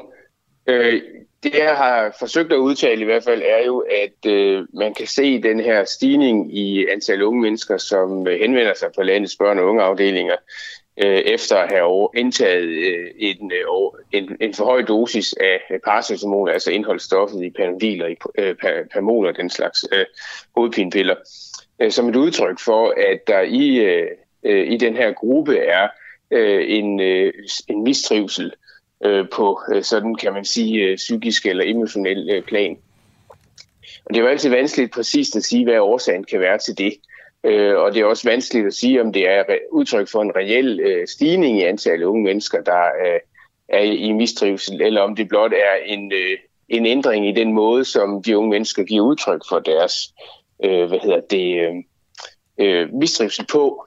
Øh, og grund til, at jeg har nævnt øh, coronapandemien og særlig nedlukningen i forbindelse med coronapandemien som øh, en mulig årsag til den stigning, det er fordi, at der var rigtig mange andre øh, Øh, meldinger øh, under øh, nedlukningen af, af de her, om, at de her unge mennesker, de øh, ikke havde det ret godt. Og særligt det, at de blev taget ud af den sammenhæng og den hverdag. De sad derhjemme, de var øh, ikke i samme øh, grad i kontakt med øh, deres øh, kammerater. Øh, der opstod hos nogen en bekymring for, om man øh, stadigvæk kunne være en del af det øh, fællesskab, som var hen i skolen, når man kom tilbage igen, eller om øh, og, og, og på den måde man så. Øh, og, og, der, og der så vi under både første og anden nedlukning øh, en stigning, øh, som, som heldigvis øh, faldt igen. Og nu ser det desværre ud til, at den stigning den så fastholdes her i, i øh, 2022, efter samfundet er øh, ligesom normaliseret. Altså en stigning af børn, der bliver indlagt med en overdosis af paracetamol. Ja, ja. Men jeg skal bare forstå, og nu, altså, nu læser jeg egentlig bare noget, noget fakta op, men jeg sad jo jeg kigget på, så kan du altid lige korrigere mig, hvis det er forkert, det jeg siger, ikke? Men altså, Ja. ifølge mine tal, der i 2019 blev 156 personer under 18 år indlagt med en forgiftning af paracetamol på Rigshospitalet. Odense Uni- Universitetshospital og Hospital i Region Midtjylland. Det steg så i 2020 til 173. Året efter lå det på 294. Det er jo selvfølgelig øh, en markant stigning. Men ifølge mine tal, der står der, at i 2022, som vi er i nu, der er det forløbige tal på 70. Det er vel Ja. tæt på hvert fald. øh, 70 i de første fire måneder. Hvis du så ganger det med 3, så kommer du op på 210. Så ligger du stadigvæk over det niveau, som vi var på fra øh, i øh, 19 øh, og 18. Så, så man kan sige, på den måde, så har vi jo oplevet. Så, men men man kan jo, det er jo det er jo forløbige tal, så, så, øh, så, så det er svært at, og, og, hvad kan man sige, øh, konkludere ret meget på dem. Øh, og det tror jeg også er det, som det står også i den, øh, Mm. hvad kan man sige, sammenskrivning, som er Ja, lavet, fordi det er jo bare... som Nu Berlingske har sin tal fra. ja, det er jo bare fordi, man kan Mm. sige, så, så kan det være... Det lyder som morbidt at sidde og tale på den måde, men altså om det så er 200, eller om det er 150 eller 250, det er jo selvfølgelig svært at, at, at forudse. Men hvis nu siger, at det sådan ligger i det, det leje, vel, vel sagtens, så er der jo vel ikke så kæmpe forskel fra 2019, sikkert også 18. Jeg sidder bare og tænker, altså om der er 30 eller 40 eller 50 mere, der bliver indlagt, det behøves vel ikke at betyde, at der er sådan en generel mistrivsel eller kæmpe samfundsproblem. Øh, det er vel trods alt, går ud fra små tal. Det, det er fuldstændig rigtigt, det er små tal, og det er små tal, hvor øh, variationer vil have en stor betydning, og det er også derfor, at man skal jo være forsigtig med at Mm. øh, drage alt for store konklusioner. Men det er jo sammenholdt med øh, den trivselsundersøgelse, som også er lavet på unge mennesker øh, og skolebørn, hvor man kan se, at, at der her er en rapportering om øh, nedsat trivsel i den, arbejde, i den gruppe af mennesker. Så, så det er sådan ligesom, kan man sige, et, et, endnu et, et, en, en, øh, et flag i, i den bekymring, vi har forsøgt at rejse hen over øh, øh, de sidste par år. Øh, men, men du har jo fuldstændig ret i, at, at man, man skal altid være forsigtig med at, at overtolke øh, sådan nogle tal. Mm. Og det er jo også derfor, at vi som udgangspunkt egentlig har lagt op til, at, at der skal kigges nærmere ind i tallene, og måske også lave sådan nogle, sådan at, at vi får en grundigere analyse af det, og det arbejde er i gang med at blive sat i værk. Eller hvad sådan noget. Der, der er planer om at sætte det arbejde i værk, kan jeg sige. Okay, jeg skal lige forstå i forhold til også det første, du svarede på, det her med, at du har udtalt, at det kan være udtryk for en generel øh, mistrivsel. Er det noget, du trækker lidt tilbage, det her med at tale om en generel mistrivsel, eller står du ved det, den formulering? Nej, altså, det er ikke noget, jeg trækker tilbage. Det er bare, du ved, øh, det, det er altid, det vi kan se på tallene er, at der er en stigning, men vi kan jo ikke ud fra tallene se, hvorfor det unge menneske har gjort, som vedkommende har valgt at gøre. Øh, og der har jeg jo den erfaring, jeg har med mig fra hverdagen, hvor jeg jo møder de her unge mennesker øh, i øh, vores akut øh, børnemodtagelser og, og, og får forklaringer. Og forklaringen spænder ret vidt fra øh, øh depression, øh, som jo er meget alvorlig, til, øh, til en øh, hvad kan man sige, impulsiv handling i forbindelse med øh, kærestesorg, som jo opleves meget alvorligt for, for den unge menneske, det unge menneske, som det går ud over. Øh, så, så, så det, er jo, det, det, er jo den historie, Men jeg det- fortæller, jeg ja, hører ja. som forklaring på det. Men er det men hele så... ikke, Undskyld, det er, bare, er det hele så baseret på, øh, på, på de her tal med, øh, med indlagte, som du vel trods alt medgiver, er nogle, øh, nogle tal, der ligesom kan ændre sig, og der er en stor usikkerhed omkring, fordi de trods alt er så lave? Ja, altså, vi har trukket de der tal, fordi vi havde en klinisk, eller fordi vi havde en, en, en formodning om, at øh, der var en stigning. Og den formodning, den havde vi i forbindelse med den anden nedlukning, hvor vi øh, havde en, en klinisk oplevelse, altså en oplevelse af, at tallet var, at der kom flere, end, end vi plejede at se. Så fik, jeg trukket, så fik vi trukket tallene, øh, og kunne se, at den stigning, vi, vi oplevede, faktisk også kunne dokumenteres i de tal, der var. Øh, og så for nylig her, så har øh, en, øh, en bachelorstuderende i København på medicinstudiet derovre, så, i samarbejde med en overlæser, Vibeke Brix, foranstaltet, at vi har fået trukket tal fra øh, København, Odense og, øh, Okay, og Region men der er bare en ting, der ja. Claus Birkelund, der undrer mig en lille smule. Det, det, er, det er tal fra øh, 2019. 156 personer under 18 år indlagt med en forgiftning af en paracetamol. Så ja. i 2020, der er tallet 173. Det er selvfølgelig en stigning, men er vi ikke i nogle tal, der er så små, at man ikke rigtig kan bruge dem til noget? Groft sagt.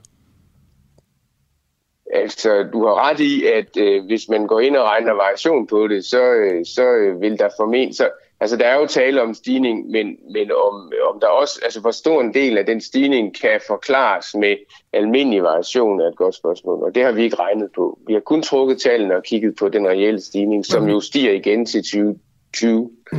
Men her taler vi jo trods, ja, fordi vi taler... 2021. Jamen, jeg tænker bare, her taler vi jo om altså 17 personer, det er ikke meget på, på landsplan. Så stiger det jo ret markant dog, øh, i hvert fald noget, man kan mærke lidt mere måske til 294 år efter. Nu tallet så på 70, det kan være, det så rammer de 110, det kan også være, det er lavere end det. Men det er jo så et fald, men det er så et fald lige pludselig. 210, mener jeg. Hvad ikke det, jeg sagde? Har du sagde 110? Nej, 210, undskyld. Ja. ja. 210 er stadigvæk højere, end det var i, i øh, årene op til. Men, men det, det, jeg sådan set siger, er, at jeg oplever det her, eller man kan være bekymret for, at det her det kan være et udtryk for en generel ten, tendens øh, blandt de unge mennesker, en generel mistrivsel, og at der er grundlag for at kigge ind i, mm. om det faktisk er sådan. Men hvis vi ser et fald i 2022, vil det så ændre noget for dig i forhold til at tale om generel øh, mistrivsel?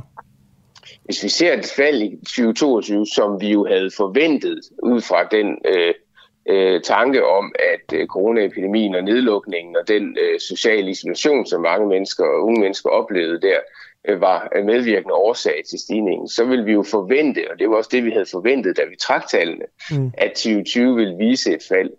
Øh, så bekymringen er sådan set, at det i tallene kunne antydes, at 2020 ikke øh, bringer os det fald, som vi havde håbet på. Og det, øh, og, og, og, øh, og det er derfor, at, at øh, vi, eller jeg, giver udtryk for den her bekymring. Okay, nu sagde du 2020. Var det ikke 22, du mente? Jo, det var det vist. Okay. Faldet, vi, havde forventet, ja. vi havde forventet et fald i 2022, fordi samfundet jo øh, mere eller mindre er, eller mere i den er normaliseret, og de unge mennesker har øh, social øh, samvær med hinanden og går i skole, ligesom de plejer, og, og kan alt det, de plejer. Og, og derfor havde vi en forventning om, at, at, at tallet ville være lavere. Okay. Ja, jeg tror, det er det, Claus Birkelund, formand for Børnelægernes øh, sammenslutning. Tak for din tid. Det var slet. Hej. Hej. Hej, du lytter til Den Uafhængige på podcast. Husk, at du også kan lytte med, når vi sender live hver morgen kl. 7. Download vores app, Den Uafhængige, og tryk på play-knappen. Det er helt gratis. Nu går vi tilbage til øh, Danmarks historiens største spionskandale. En af dem i hvert fald. Øhm, og spørger om, om en tidligere chef for Forsvarets efterretningstjeneste også, såvel som Claus Hjort, er i fare for at blive sigtet for landsforræderi. Det mener nemlig juraprofessor Eva Schmidt, som både i Berlingske og i Altinget har fået bragt en kommentar, hvor hun antyder, at den daværende FE-chef, Thomas Arnkiel, skulle have oplyst offentligheden om et kabel, eller om det Campbell-samarbejde, som er genstand for alt det her, øh, tilbage i 2013 i en artikel i Politiken. Et, et, et interview, han lavede der. Christoffer, vi to jo begge to kigget på det interview, som Thomas Arnkiel gav i Politiken. Og som Eva Schmidt ligesom påstår, at der røber han også statshemmeligheder om det her kabelsamarbejde, som vi har med amerikanerne. Hvad tænker du umiddelbart, når du læser den artikel? Røber han noget? Ikke som jeg sådan lige kan, kan se det. I hvert fald ikke noget, hvor jeg sådan tænker, der står det. Sort på hvidt. Nej, det er det, men derfor kan det jo godt... Altså, det kan jo godt insinueres lidt alligevel. Jeg kunne heller ikke se det sort på hvidt. Men insinueres lidt, det, Ja, er, er, det, er det nok? Jeg ved det ikke. Det ved jeg ikke. Vi taler nu med en, ja, netop en journalist fra Dagbladet Information, og de har været ret kritiske, må jeg nok sige. Det er Sebastian uh, Gjerding, han skrev faktisk på Twitter, hvorfor er der ikke nogen på aviserne, der faktatjekker de her debatindlæg, altså Eva Smits? Det bliver ved med at sprede sig for de her indlæg, selvom det er fake news. Man kan nemt konstatere, at den væsentligste påstand i indlægget er komplet forkert bare ved at klikke på linket. Mm. Og fake news, det er jo det værste, man kan blive øh, anklaget for nu om dage. Sebastian Gerding spreder Eva Schmidt, Berlingske over alle tinget. Fake news. Og godmorgen. godmorgen. Ja, det synes jeg, det gør. Øh, den oplysning er øh, fuldstændig forkert. Øh, altså oplysningen om, at Thomas Arnkiel flere år inden Claus Hjort begyndte at tale om det her kabelsamarbejde, skulle have bekræftet det helt officielt øh, i det interview øh, i 2013, som de linker til. Det, og det ved jeg, fordi jeg øh, selv dækkede sagen dengang, og ligesom kender hele konteksten for det der interview. Det er jo sådan en privilegeret viden, så man skal altid tænke, okay, er det bare fordi, jeg ved, at det er forkert? Men jeg synes faktisk heller ikke, at man på nogen måde kan læse det sådan, medmindre man læser det ekstremt tysket. så jeg synes, det er fake news, og jeg synes, det er absurd, at det har bredt sig så meget. Øhm, ja, men, men, man kan bare klikke på linket og konstatere det. Men Thomas Arnkild øh, i, i det her interview, han taler jo om et eller andet samarbejde, vi har øh, med, med amerikanerne, ja. ikke? Noget efterretningssamarbejde. Ja, men han nævner, et det her det handler om et konfliktområde i udlandet. Det nævner han seks gange i det interview. Og hvis man lige skal spole tilbage til hele konteksten, så er det fordi, at der var det tidspunkt i Snowden-afsløringerne, som er øh, godt og vel et år inden, at vi på information afslører det her kabelsamarbejdes eksistens på baggrund af Snowden-samarbejdet. Vi er et år inden det. Øhm, og der er der nogle, øh, nogle øh, historier i udlandet, i Tyskland, i Frankrig, i Norge, der handler om øh, et projekt, der hedder Boundless Informant, om, der ligesom siger, så meget indhenter, hvad hedder det, amerikanerne i de her lande. Hvad og det, det projekt? Sig, kan du lige gentage det? det? Det hed Boundless Informant. Ja. Det var ligesom et NSA-projekt, som blev misfortolket af journalister til, at det handlede om overvågning i de lande, og i virkeligheden var det nogle slides, der vise nogle, noget, altså noget overvågning, som blev foretaget i udlandet. Det stod ligesom bare på de her lande, og derfor blev det misforstået. Det gik Norge så ud og skrev en historie om det norske dagbladet. Øh, vi sad på information, også kiggede på den samme historie. Og med det samme Norge, det her norske dagbladet havde lavet den her historie, så gik den norske efterretningstjeneste ud og sagde, det her det er fuldstændig forkert. Det her det handler ikke om NSA's overvågning i Norge. Det handler om Afghanistan. Og præventivt, kort efter det, de kom Thomas Arnkild ud og sagde det samme. Han gik ud og sagde, hvis der kommer de her historier omkring det her, så handler det altså om et konfliktområde i, i udlandet. Og det er Afghanistan. Det ved vi, og det er fuldstændig 100% sikkert. Der er ikke nogen tvivl om det, og han siger det også mange gange. Selvfølgelig vil han ikke tale om et konfliktområde i udlandet, hvis det handler om tapning af danske telekabler. Det giver jo ingen mening. Så, så det er den kontekst, man ligesom skal læse det her interview i politikken ud fra, til trods for, at der jo ikke, altså der nævner han jo ikke Afghanistan direkte. Nej, men han siger et konfliktområde i, i udlandet seks gange, og hvis man ligesom kendte tidslinjen, ville man også vide det. Det var det, han talte om dengang.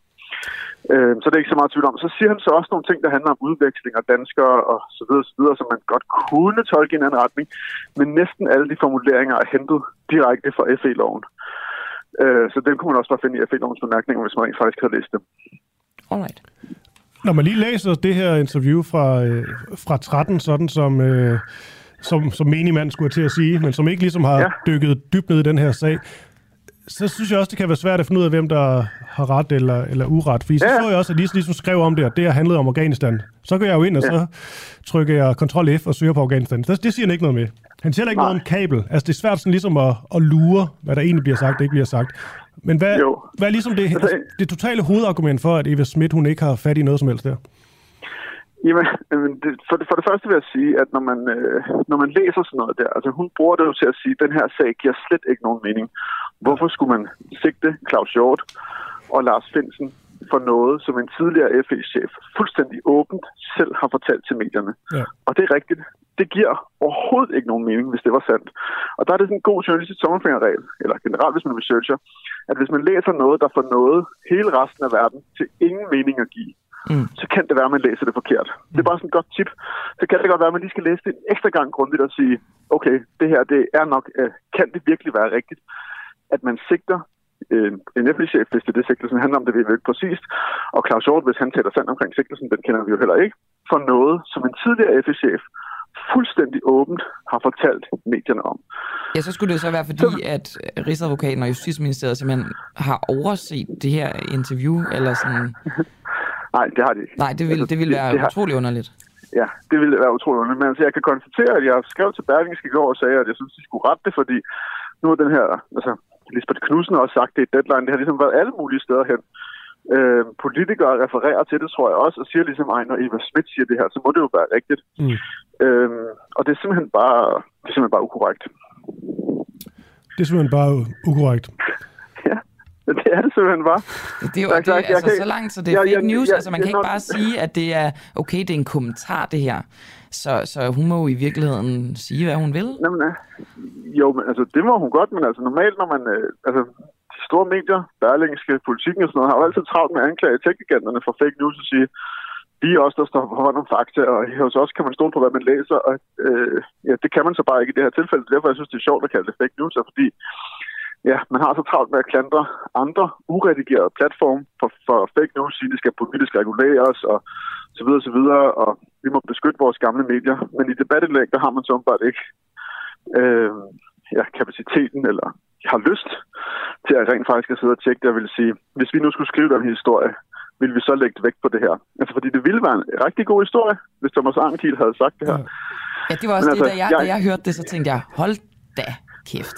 Men det, det er jo så også, som du siger, en tommelfingerregel, hvis, hvis man kan blive, altså Ja. hvis, når noget er så vildt, så Det er er det jo præcis. øh, 9 ud af 10 gange ikke rigtigt.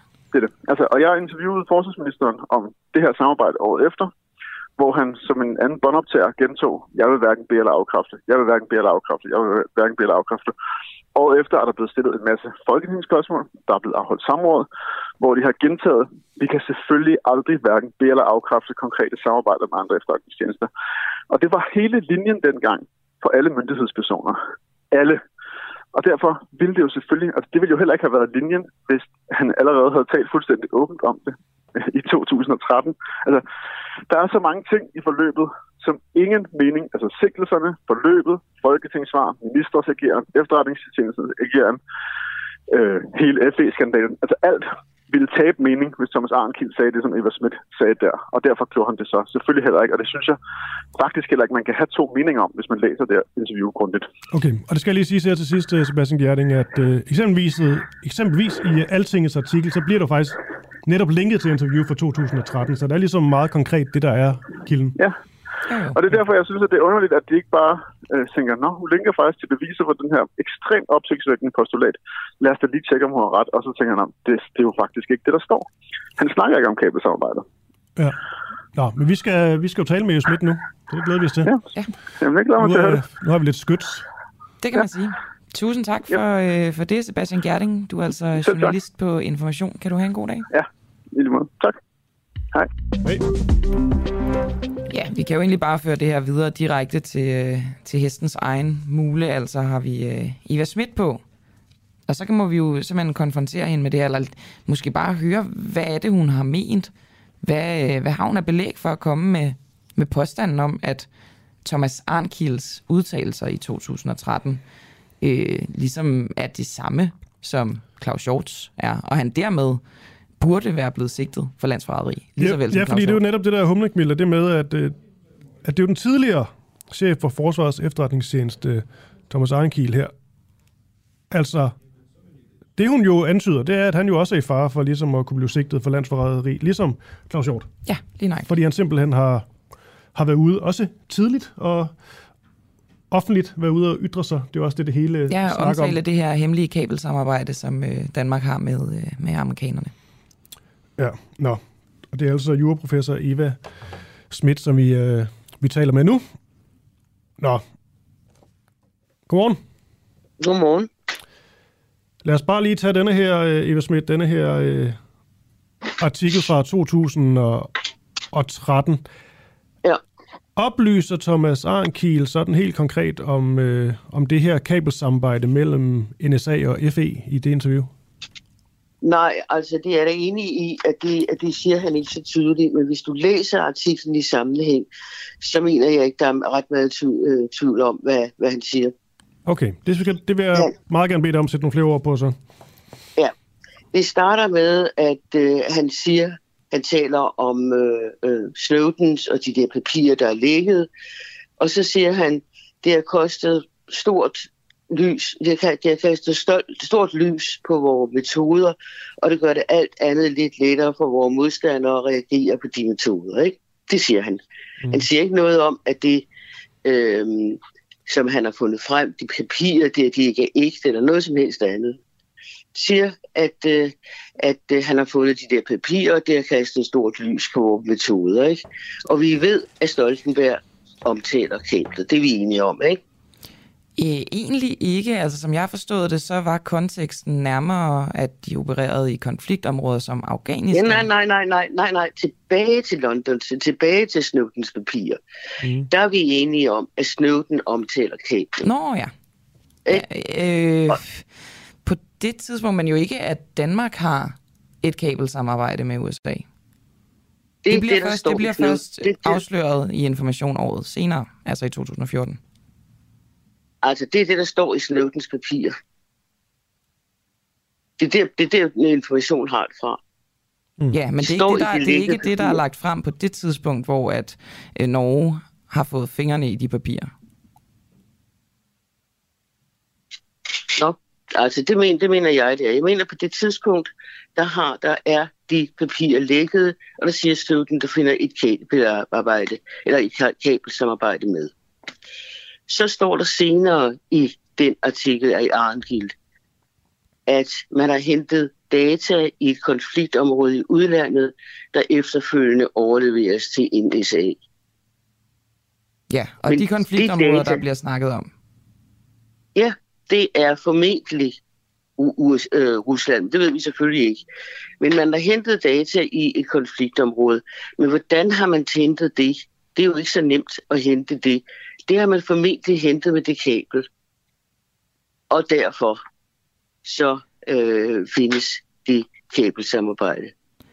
Men, men... Det er rigtigt, at, at, at Øh, det, øh, det øh, arbejde, som, som Arndt laver, det er rettet mod forhold i udlandet. Det er fuldstændig rigtigt, fordi man tapper øh, oplysninger fra, øh, fra fremmede magter, øh, når de kommer igennem øh, Danmark via kabelsamarbejdet.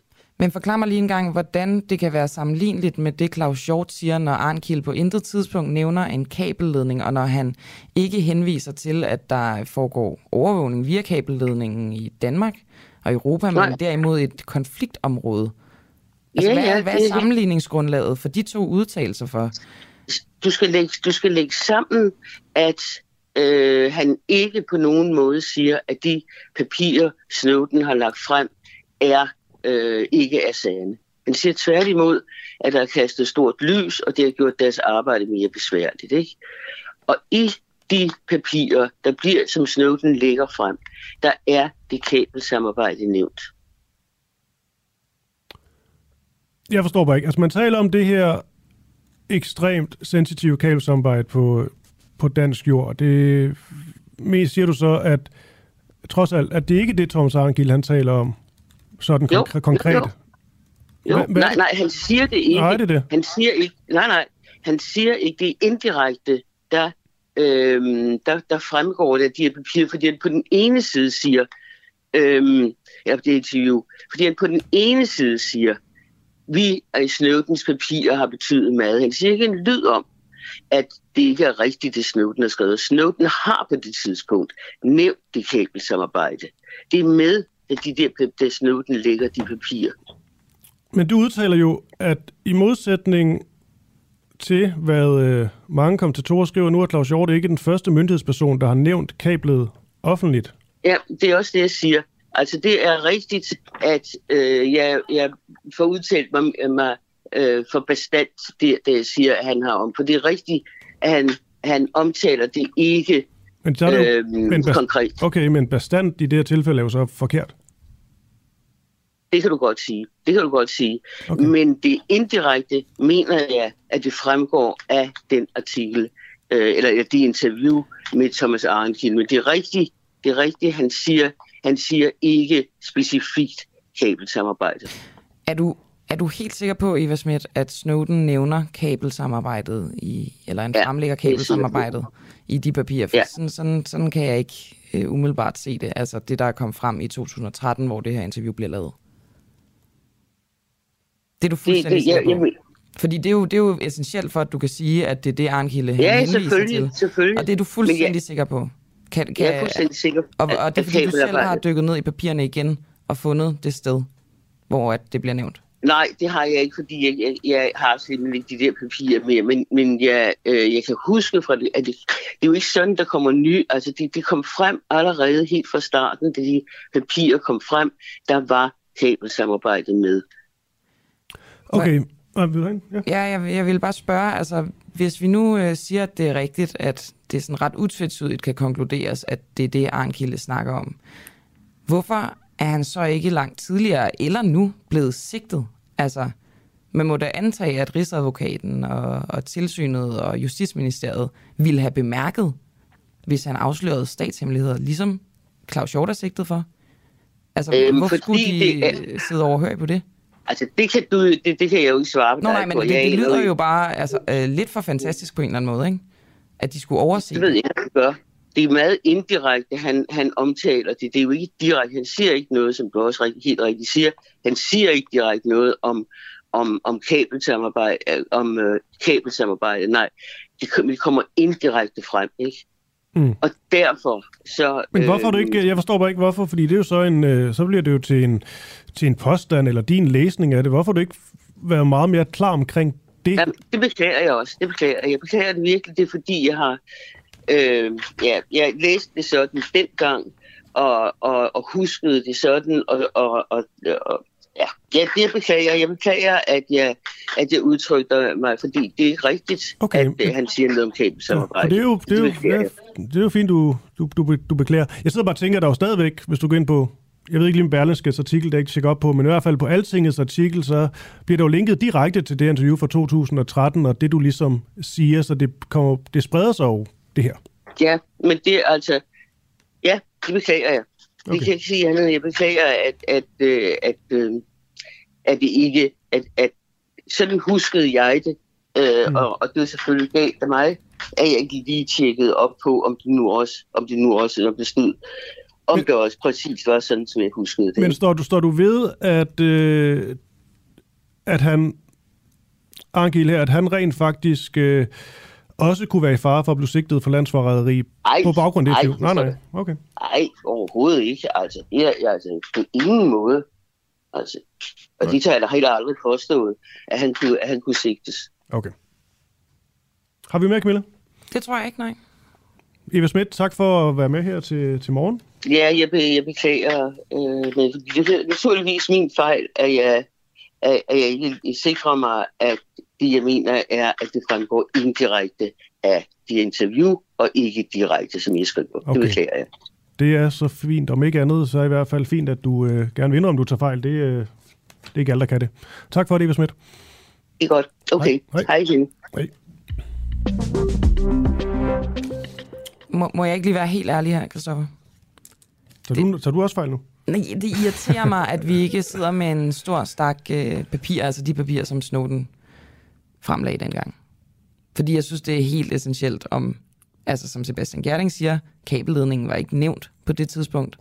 Eller om det er Eva Schmidt, der har ret og siger, at det var den. Nå, nej, nej, men det kan vi jo, men det kan vi jo tjekke op på. I, I det her tilfælde, så i forhold til den her konkrete øh, ting, hun ligesom øh, har fremturet med, der har hun nu indrømmet, at det var en... Øh, ja. det, var, det var en påstand, det var hendes læsning af det, han sagde, lidt sådan øh, mellem linjerne, hvad vi nu skal sige, altså ikke noget, han sagde konkret. Det har hun lige sagt til os, at det var en, det var en fejl og, en, og undskyld. Så er vi da så langt. Det er sandt. Så kan vi altid øh, dykke ned i papirerne derfra, tænker jeg. Det er kvart i indrømmelse i hvert fald. Ja, klokken er blevet 38.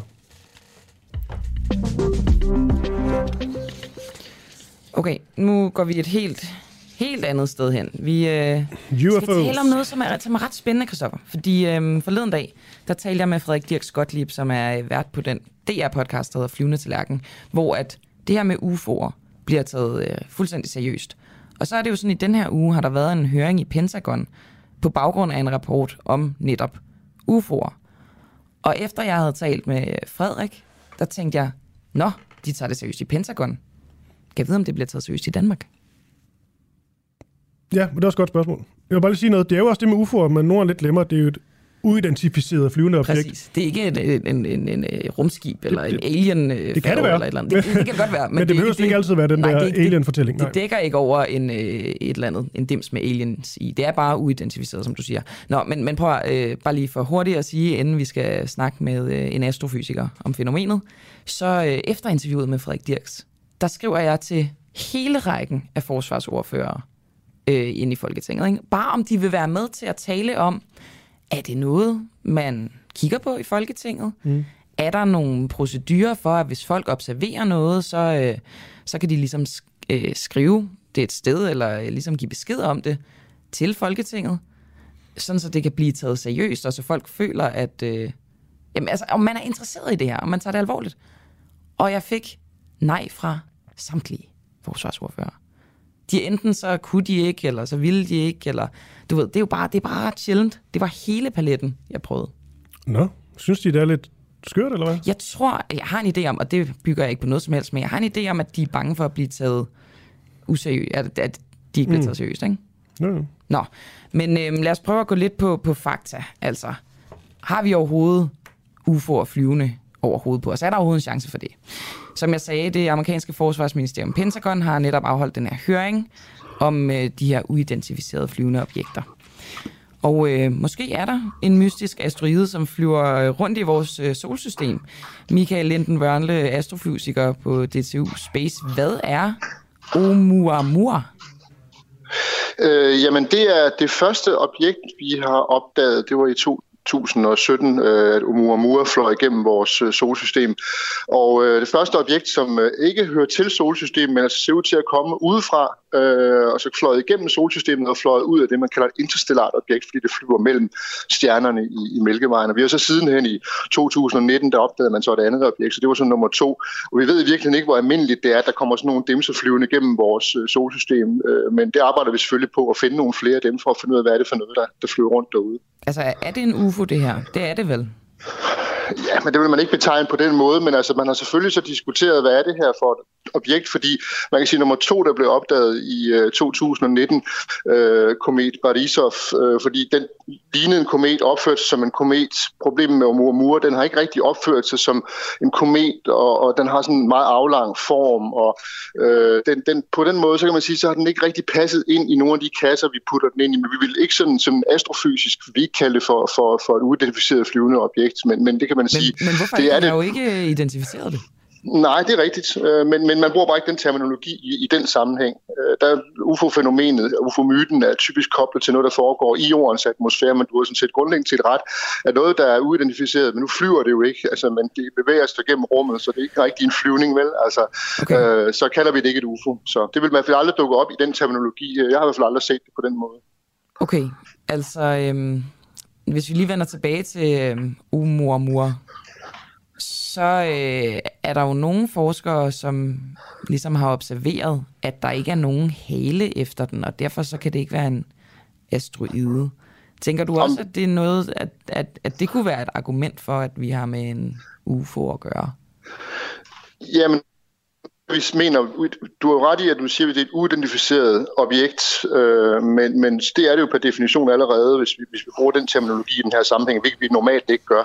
Men, men så kan man sige, hvad kan det så være? Er det en stump af en dværgplanet, som så er fløjet afsted og så kommet ind igennem vores solsystem? Og, altså, hvad, hvad kan, ja, bare fordi den ikke opfører sig som en, som en komet, og den ikke får en hale, så kan det jo godt være en komet af en anden type, end den vi kender.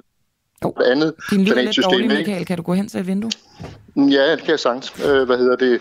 Så, så hvad hedder det? Så det bare fordi den ikke opfører sig sådan som noget, som vi lige kender fra vores solsystem, netop fordi den kommer fra et andet sted, så, så er det jo også det, der gør det interessant, fordi så kan vi jo lære noget om, hvordan er det andre steder. Men Michael, vil du, altså, vil du trods alt øh, medgive, at der findes objekter ude i, i rummet, i atmosfæren, som I ikke kommer til at kunne identificere, og som dermed har potentiale for at være, ja, alt, hvad fantasien kan, kan svinge det op til at være? Jamen altså, alt hvad vi ikke ved, hvad er, det har jo sådan set potentiale for at være hvad som helst, indtil vi så får det undersøgt nærmere. Så sådan, det, sådan er, det, er jo, det er jo den grundpræmis, der ligesom er. Og hvad tænker du, fordi nu, jeg har forsøgt at få øh, forsvarsordfører i tale angående de her uidentificerbare objekter. Øhm, synes du, det er noget, man skal tage seriøst på politisk niveau, eller synes du bare, at vi skal lade jer forskere forsøge at identificere det? Jamen, det kommer jo an på, hvad, hvad det er, man, man, øh, man mener, der er udfordringen her. Fordi en ting er, at der er nogle mennesker, der beretter om nogle oplevelser, de har. Og det er jo det primære, vi har. Det er folk, der beretter om oplevelser. Vi har jo ikke noget håndgribeligt. Vi har ikke noget, vi kan gå hen og veje eller undersøge detaljeret. Vi har ikke noget, vi kan stå med i hånden. Vi kan, vi kan undersøge. Vi kan tage med ud på et laboratorium i DTU finde ud af, hvad er det for noget. Sådan noget har vi ikke noget af. Så vi har nogle beretninger, og så man sige, hvad er de beretninger, hvad er, hvad er deres betydning? Øh, I USA for eksempel, der kigger man jo på det, fordi er der, er der en risiko her? Altså udgør det en trussel mod, mod nationens sikkerhed? Øh, er det en risiko for vores piloter, der flyver rundt op i luften, at de kunne flyve ind i et eller andet? Øh, altså den slags ting, hvor man siger, er der en, er der en sikkerhedsrisiko? Nu har vi jo kun på dansk ordet sikkerhed, øh, men på engelsk har du både det, der hedder og security, som er begge dele sikkerhed. Safety, det er sådan noget med grundlæggende sikkerhed, at for eksempel op i luften skal flyvemaskiner ikke flyve ind i hinanden. Det, mm. det er sådan det her. Men så security, det er jo sikkerhed i forhold til at sige, er der nogen, der prøver at gøre dig noget ondt, eller kan udgøre en potentiel øh, trussel. Øh, og, og det er jo det spørgsmål, man stiller sig. Det har man jo gjort tidligere i USA. Øh, det gjorde man jo op fra man siger, den moderne UFO-myte start i slutningen af 40'erne til, til, til op i, i 60'erne, hvor der på det tidspunkt var der amerikanske luftvåben, der, der indsamlede og undersøgte beretninger om, om, om ting, folk ikke kunne forstå, hvad var. Og det var netop med det her udgangspunkt. Og der i slutningen af 60'erne, når man så frem til, jamen der er den her restgruppe på, i det tilfælde der, på de omkring 13.000 oplevelser, man havde undersøgt i det, der hedder Project Blue Book, der var der sådan omkring 6 procent, man ikke kunne give en, skal vi kalde naturlig forklaring på. Men man vurderede ikke samlet set, at det var noget, der udgjorde nogen trussel mod nationens sikkerhed eller andet, og så lukkede man det ned der. Så har man så senere i det amerikanske forsvar, også i andre lande, så for eksempel i England og Danmark har vi jo også gjort det, altså flyvevåbnet har i Danmark jo indsamlet rapporter og afleveret de danske, skal vi kalde dem X-Files, øh, til, til UFO-forskeren øh, Ole Henningsen her, som man lige har udgivet en bog om her, øh, faktisk for nylig. Øh, så, så der har jo foregået nogle ting, men spørgsmålet er at sige, er, er det der, vi er? Altså, og hvis, hvis danske politikere ikke vurderer, at der, der er noget, de føler, de føler sig ikke truet, de føler sig ikke som, som en, en risiko, så, så er det jo ikke noget, man skal bruge ressourcer Men på. det er vel, altså. det er vel, øh, det er vel lidt underligt at kunne vurdere en risiko, når man ikke kender objektet. Jo, men du kan også sige, er der overhovedet noget evidens for, at der er noget, der er værd at undersøge? Og hvem er det så i så fald, der skal undersøge det? For nu er det jo interessant, at jeg ringer til mig, for jeg er astrofysiker, og det er jo selvfølgelig også fint nok. Jeg kan sige noget om, hvad der sker, hvordan universet hænger sammen og den slags ting. Men hvad er det, hvad er det virkelig for nogle fagligheder, der skal undersøge de her ting? Altså i første omgang handler det jo grundlæggende set om at få at finde ud af de oplevelser, folk har haft. Ikke? Det handler jo meget mere om, og det er jo det for blandt andet også danske øh, skandinaviske UFO-information, som indsamlede rapporter fra 1957 og frem til 2007, hvor man så i 50 år der gjorde status, ikke? og også nået frem til den samme konklusion, men der er nogle folk, der har nogle oplevelser, som vi bare ikke rigtig kan give nogen forklaring på, men det handler jo virkelig meget mere om, hvordan vi oplever vores omverden, hvordan vi sanser, altså vidnepsykologi og psykologi i det hele taget, øh, vores kulturelle referenceramme, når vi ser noget, vi ikke forstår og ikke kender, hvad er det så for nogle billeder, vi får op i vores hoveder, øh, og det hænger jo på den kultur, vi er en del af, så det er virkelig nogle helt andre spørgsmål, det handler om en skruer, møtrikker og brintplader og, og astrofysiske fænomener. Mm. Okay, så det, det handler ikke så meget om sikkerhed i din optik? Ikke umiddelbart. Jeg, kan, altså, jeg ser jo ikke noget som, og det er også de konklusioner, man i hvert fald indtil nu er kommet frem til, også selvom der er nogle fænomener, man ikke mener, man kan forklare. Det kan jo så også skyldes, at man grundlæggende set bare ikke har datamateriale nok til at kunne give en forklaring på, hvad det er, man har observeret. Det samme med Oumuamua, ikke? Altså hvis nu man havde haft en rumsond ud og kigge på Oumuamua, så ville man bare sige, åh, Nå ja, okay, det er bare det. Altså tit er det jo også, fordi vi ikke har tilstrækkeligt med, med data og informationer, der er valide nok til, at vi kan sige, øh, hvad det er, vi står med. Alright. Tak. Michael Linden ja, Børle, astrofysiker på uh, DTU Space.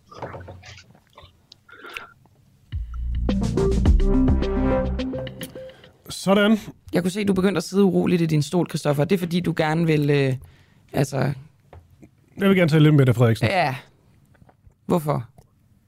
Jeg har jo fundet ud af, hvad din, sådan, øh, din safe journalistiske ting er. Okay, skal den øh, udgives live i radioen? Nej, det høres måske ikke. Nej, men bare sig det. Det du siger, um, alright. Nå, men det har, det har folk påpeget. Nogle gange siger jeg også alrighty, Alright. ja. og det er jo helt forfærdeligt. Jeg prøver at vende mig af med det. Men det er sådan den der, hvor, hvor du måske ikke helt er altså 100% sikkert, den der samtale slutter, så også ligesom for at lave den der sådan, Ja. alright, så ud jeg. Ja, okay. Jamen, jeg skal nok prøve at arbejde på det. Det lyder jo skrækkeligt. Men du skal nok få lov til at tale om Mette Frederiksen. Hvad vil du gerne sige? Vores statsminister har fået en podcast. Den hedder Statsministeren øh, spørger. Her inviterer hun en gæst ind i sådan en god, lang samtale. Hun, ud, hun udtalte til politikken, på det personlige plan, så håber jeg faktisk at blive klogere, fordi hele ideen er at give plads til en dybere samtale, og ture at tvivle, spørge og lade os udfordre. Jeg oplever, at der er behov, at der er et behov, og tænker, at andre også må have det sådan. Der er mange ting her. For det første, det er lidt som om, også i hele den der pressemeddelelse, at øh, det hun skrev på Facebook, selv Mette Frederiksen, at der er sådan en, hun har ikke rigtig fattet, at der er noget, der hedder podcast før nu. Nej, det hun er hun sjovt ikke, sig selv. Hun har ikke fattet de lange samtaleprogrammer, som du bare kan fodre svin med. Altså, Mhm, mm-hmm. hvis hun gerne vil have en god, lang, dyb samtale med en spændende partner, et, alle medier vil gerne give plads til det. To, hun kan også bare melde sig til. Altså, hun har jo Svend Brinkmann med som, som gæst. Hun kunne da bare være i hans program. Ja, det Han har et program, hvor du har tid til at snakke det en er faktisk time. rigtigt. Det er faktisk rigtigt. Må ikke også Rune Lykkeberg lige give plads til en god snak? De er der også, lavet også. Radio Information, de skulle da nok rydde fladen til hende. Ja, og det er fint nok, men det, det jo handler om, som jeg faktisk synes kan være den lidt, måske alvorlige del, det er jo det her med, at det hun jo gør med det, Frederiksen, det er, hun skaber jo en platform, hvor hun igen er i kontrol. Så når det handler om en god, dyb samtale, det handler om at få nuancer med, så er det jo på sådan et niveau, hvor det hedder, det er Mette Frederiksen, der ligesom dikterer samtalen. Det er hende, der har takstokken, det er hende, der ved, hvilken vej den interview skal gå hen i, og det er egentlig hende, der dybest set leger journalist. Det må hun selvfølgelig godt, det her, men det er også stadig lidt underligt, en statsminister, der får sin egen podcast på denne her måde. Og det, der så kan undre mig lidt, Camilla, det er jo det her med, at... Øhm, nej, fordi lad os lige tage den igen, eller tage den helt øh, konkret, øh, den kritik, jeg egentlig har i forhold til denne her kontrolting, som jeg synes, mit, eller vi som journalister, vi på en eller anden måde burde øh, være lidt mere øh, opmærksom på. Det er denne her, det her behov, som hende, hende og øh, Socialdemokratiet har ligesom lidt for at kontrollere medierne. Du er nødt til at kigge på mig, når jeg taler. Ja, undskyld. Du sidder og skriver. Ja. Altså, lad os tage de her pressemøder. Så får journalisterne ligesom to spørgsmål. Ja. Det kan jo være fornuftigt nok. Altså, at de ikke må få flere? Nej, fordi jeg tænker, på den, altså, der er så mange medier. På en eller anden måde skal det jo også øh, stoppe et eller andet, Jo, jo. øh, et eller andet sted. Men på den anden side, så er der også et problem i det her, fordi at de journalister, som virkelig har noget øh, på hjerte, dem, der virkelig har gang i en sag, øh, lad os bare sige øh, Friberg fra BT i forhold til øh, denne her slettede sms-skate, han får jo også kun et-to spørgsmål, og så har de jo ligesom luret. De svarer måske okay konkret på det første spørgsmål. Spørgsmål nummer to, der kan de svare sindssygt flyvsk. Men så har han ikke flere spørgsmål. Nej. Og så skal de bare gå videre, og Ja, så derfor ja, kommer vi aldrig ja. rigtig i dyb med noget. Yep. Og det er jo også en kontrolting, og det har de jo styret ret så hårdt, det her Socialdemokratiet. Øh, også i forhold til at stille op til interviews, eller ikke gøre, totalt selv vælge, hvem man stiller op hos. Og så det her er bare næste skridt, og derfor undrer det mig, at Rune Lykkeberg for information, han stiller op og er gæst til det allerførste program. Ja. Fordi, skal han det? Skal han ikke nærmere bare kunne sige nej, eller sige, jeg stiller op, hvis øhm, dig og nogle øh, ministre svarer på de og de spørgsmål, I ikke har ville svare på, eller ikke ville stille op til. Fordi det, der jo sker, det er, at nu bliver han jo en del af hendes fortælling, hendes brand. Hun ja. kan også hype sig selv på 100. at få sådan en som Rune Lykkeberg med at have en rigtig god samtale.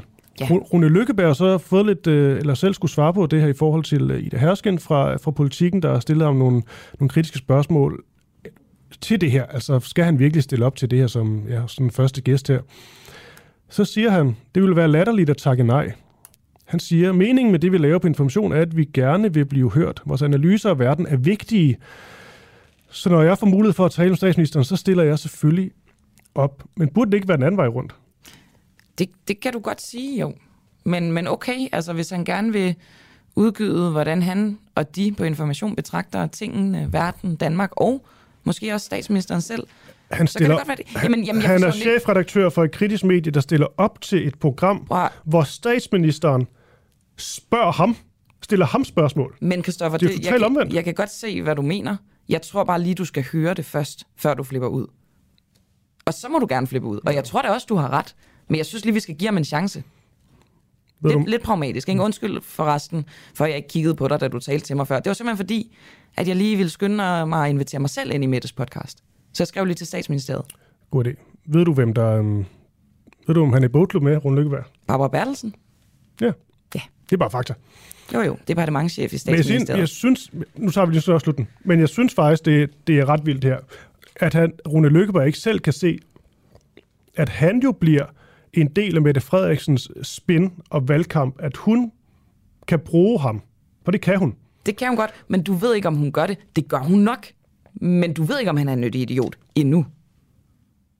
Nej. Jeg siger det bare, Nej, Nej, vi- inden, vi- du, inden du hisser dig helt vildt op. Efter det her, den udsendelse slut, så øh, hører vi øh, podcasten. Og så kan vi blive hissige sammen. Ja, og så på mandag, så øh, får vi Rune Lykkeberg med. Ja, det er da en god idé. Jeg ved ikke, om det er bare er mig, der... Det tror jeg ikke, det er. Det tror jeg ikke, det er. Jeg, vil bare, jeg, jeg, jeg er sådan lidt mere øh, optimistisk, og så, øh, så bliver jeg så skuffet. 9 ud af 10 gange. Okay. Ja, vi skal videre.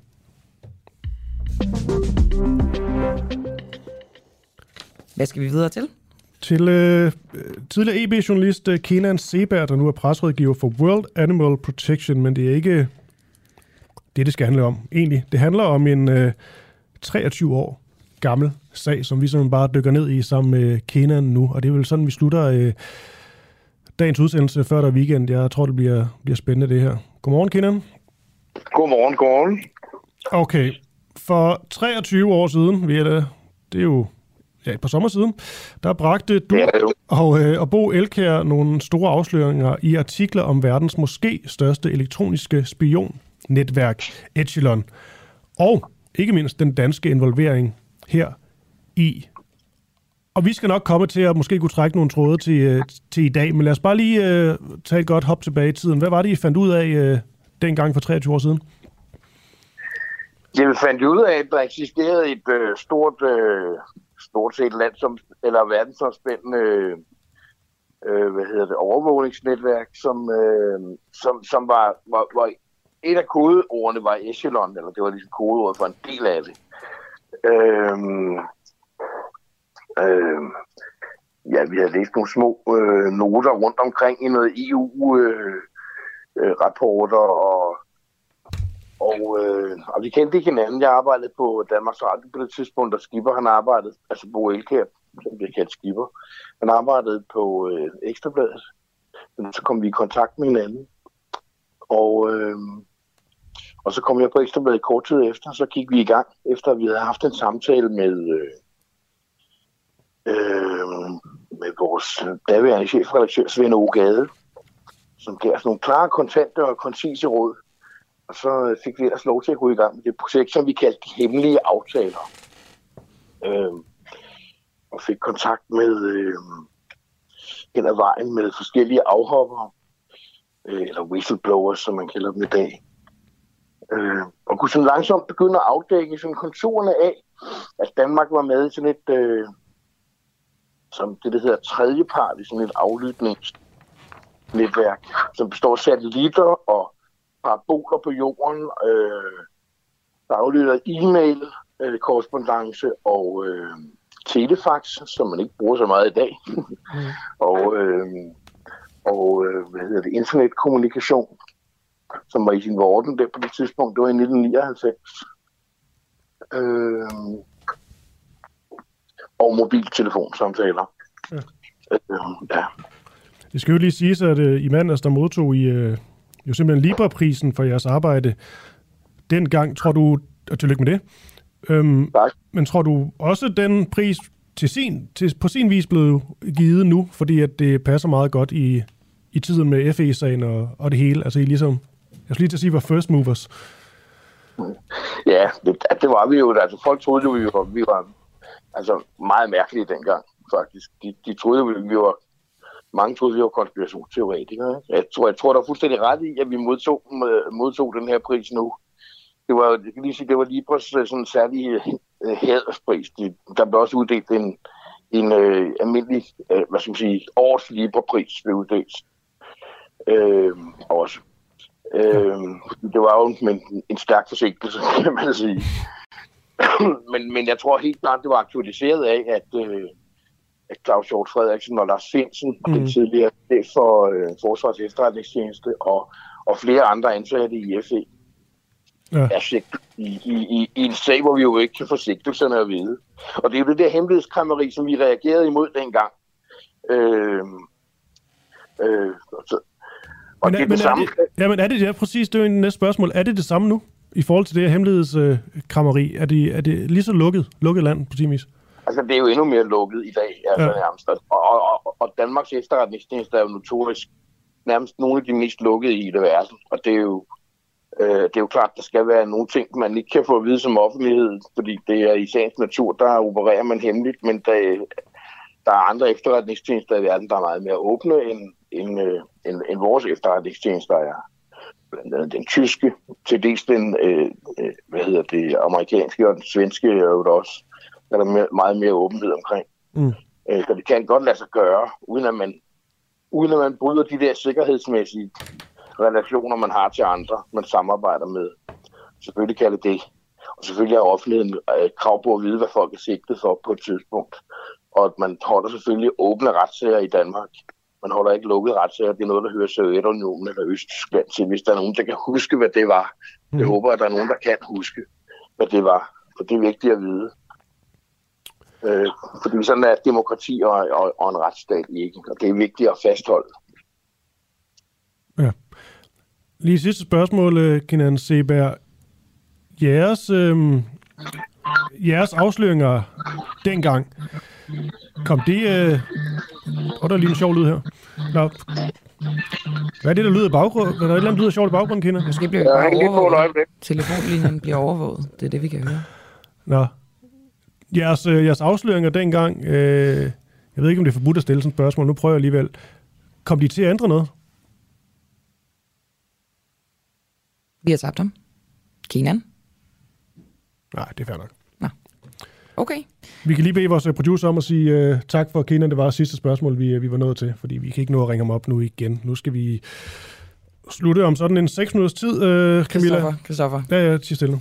Altså, Der sker noget. Nej, men det er mere fordi, når du ligesom går i sådan et, øh, et mode, hvor du, du rander over Mette Frederiksens podcast og Rune Lykkeberg, så får jeg jo sådan lyst til at provokere dig yderligere. Mm. Så jeg har lyst til at læse op, hvad Dan Jørgensen siger angående den her podcast, som Mette Frederiksen har. Statsministeren spørger, hedder den. Jeg ved altså, jeg, Jamen, du, jeg ved ikke, om du er klar til at høre det, men nu, nu siger jeg, hvad, hvad siger Dan Jørgensen, oh. klimaministeren? Han siger, Åh, noget med nuancer. en statsminister, der ikke bare taler, men også spørger og lytter. Wow. Er det godt? Det er godt. Hun taler ikke bare. Hun spørger. Hun lytter. Altså, der mangler bare, hun danser. Så er hun perfekt. jeg kan ikke sådan noget. Nej, ja, det vidste jeg godt. Det var derfor, jeg Det fik kan du heller ikke. Og, og det er jo Nej, det er ikke noget med sådan partifarve eller noget. Det er også bare selve... Altså, det er så ulækkert, det der. Jamen, det, det er fuldstændig frit skrabet fra partifarve. Det er mere sådan, øh, hvad skal man sige, det, det er helt kalkuleret mm. kampagneføring, og øh, jamen, som jeg også sagde tidligere, det der med, hvis hun nogensinde henviser til, at hun ikke vil svare, fordi det har hun allerede snakket om i sin podcast, så, så er det, at øh, min... Ja. Øh, så bliver jeg virkelig antændt. Jeg vil jo ikke sige, øh, det er ikke fordi, jeg kan smide et rant nu, men bare lige sådan afsluttende i forhold til den her.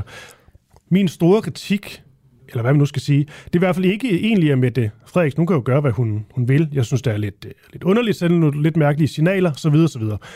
Men for mig der er det helt klart, nogle af dem, sådan en som Rune Lykkeberg, chefredaktør på et medie, at han stiller op som det, jeg vil kalde for nævnet idiot. Nu skal vi lige høre det først. Men øh, det, det er faktisk mit, der min kritik, den primært går. Altså, jeg havde da også stillet op, men så havde jeg udnyttet muligheden til fulde, ikke? Så havde jeg bare samlet til bunke. Altså, både fra os selv og fra alle andre medier, og så kunne jeg bare fyre den afsted. Så måtte hun jo smide mig ud, hvis det var. Jeg synes, det er en gylden mulighed. Jeg håber, han udnytter den. Ja, vi skal vide alt. Vi skal også vide, hvad han har sagt ja til. Ja, ja. Altså, har han fået at vide, det skal handle om det og det og det, har han sagt. Altså, Ja, ja. Er der meget nogle kom- regler for, hvad han må og ikke må? ja. Ja. Nå, prøv at høre. Øhm, vi snakkede lige før.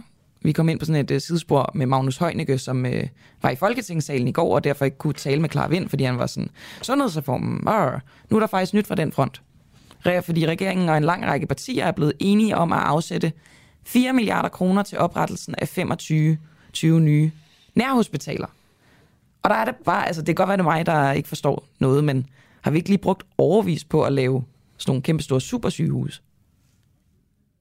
Jo. Okay, det, og det, det, det, jeg synes bare, det er lidt underligt, men ja. Hvad var det, de skulle hedde? Hed de, ikke- var det, er det nærhospitaler? Nej, altså Nej. Der er supersygehusene, og så er der så nærhospitalerne. Åbenbart. Det var et godt ord. Det er så sådan noget, kommuner og regioner, de skal søge om, for at kunne oprette sådan et. Jeg ved ikke om, altså, hvorfor opretter man et supersygehus, hvis man så også vil oprette en masse små sygehuse? Og hvorfor bruger man ikke de der 4 milliarder på nogle andre ting i sundhedsvæsenet? Men de små sygehus, øh, det er vel bare det er vel for at komme så, så bredt ud som muligt i, i landet, og der ligesom skal være et eller andet max for antal, eller det tid, det tager for Men lavede man ikke su- de store sygehuse for ligesom at lukke de små sygehuse? Jeg ved det ikke. Det kan godt være, at det er mig, der har misforstået noget, men, Men, jeg det synes bare, 9, det er underligt. men, øh, ja, men, undskyld, men, øh, men 9.30, der kan man, øh, det følger også op på på mandag, ja. altså må Højnekør, der stiller sig på det her, som der jo simpelthen står på sit, øh, han stiller sig på et, øh, doorstep. Nå, det er det, du har en øh, stor aversion imod. Doorsteppet. Det er, jo- det er jo ikke dansk. Nej, det er Det er rigtigt. fuldstændig åndssvagt at kalde det for et doorstep. Nå, men ved du, hvad jeg også læste inde på øh, TV2's nyhedsrull? At forbrugertilliden endnu en gang, altså i maj måned, den var det også i sidste måned, i april, er historisk lav. Altså den er lavere end under finanskrisen. Mm. Og det er simpelthen fordi, at danskerne ikke rigtig har tillid til dansk økonomi. Hvilket er underligt, fordi det går jo rigtig, rigtig godt, ikke? Det er ikke, altså, vi har virkelig lav arbejdsløshed. Vi mangler endda arbejdskraft. Så altså, hvad må det er, vi er bange for? Vi skal lige nå at lave en lidt reklame, Camilla. Nå, vil du, vil du stoppe mig, for jeg synes jo, det er vildt interessant det her. Ellers når vi bare ikke reklame, men ellers så se om du kan nå, gøre det jeg synes bare, det er interessant det her med forbrugertilliden, fordi det er, jo, det er jo folks følelser. Det handler jo ikke om, hvordan markedet ser ud lige nu. Og lige nu, der er dansk økonomi nu vel overophedet, men jo i god stand. Så Mm. mm. det er bare interessant. Det må nok være det her med inflationen, som gør, gør folk bange, men det her behøver ikke at sige noget om, at fordi forbrugertilliden er lav, så kommer det til at gå dårligt for dansk økonomi. Sådan hænger det nødvendigvis ikke sammen. Det er jo, når folk bliver spurgt, så svarer de med deres følelser. Nu Mm. skal jeg nok stoppe. Nej, det er jo bare den her, den her kampagne. Vi vil gerne have, var det 1000 nye medlemmer? Ja, tak. Hvor mange dage har vi? Jeg tror, der er seks endnu. Ja, og øh, vi kan godt sige, øh, der er et stykke vej nu. Jo, jo, men, men den her kampagne den går ud på, at man kan få en smagsprøve. Ikke? Man kan få et gratis medlemskab i 14 dage, ja. og så kan man ligesom vurdere, er det her noget, jeg har brug for i mit liv? Er det noget, jeg gerne vil betale 59 kroner for? Svaret er jo ja. Øhm, og så kan man så blive fast medlem. Ikke? Jo, og det er jo blandt andet spionchefens øh, hemmelighed. Det er også øh, det program, der fortsætter her om ikke så, så længe snyd og, og bedrag, som er bag den her betalingsmur, som man så i hvert fald lige her i 14 dage kan få, øh, få adgang til. Høre om det er noget, man synes er interessant. Spionchefens hemmelighed med øh, hverdags og jul, som man virkelig godt kan anbefale. Ja, helt sikkert. Så er Også, også oppositionen. Ja, så hvor vi har i hvert fald lige øh, en kort tid her, Morten Messersmith som, som vært i forhold til det med forbeholdet. Den skifter så her, men øh, det er også bare øh, god radio. Ja, altså Morten Messersmith, der havde Margrethe Augen som gæst. Altså, det er jo Clash of the Titans, i, of the i, Titans. i EU-sammenhæng. Det var, øh, det var både oplysende og underholdende, det afsnit, vil jeg sige. Ja, men det er altså ind og vel se nu, så er der også et, øh, et nyt nyhedsbrev, vi, vi har lanceret. Azure. Azure, som vi er, vi er stolte og glade af, hvor man ligesom kan se de tre vigtigste historier, det får man ligesom bragt. Det er morgenradio på skrift. Ja, så øhm, der, er, der, er- der er en del at, at gøre det for, og det er altså, det kører i et par dage, eller en uges tid endnu, det her tilbud. Gå ind på hjemmesiden. Og det er jo vel øh, bare det, Camilla Boracchi. duah.dk, Christoffer Lind. Ja. Oliver Nubbenau i regien. Peter Svart stod øh, for programmet, og øh, god weekend. God weekend.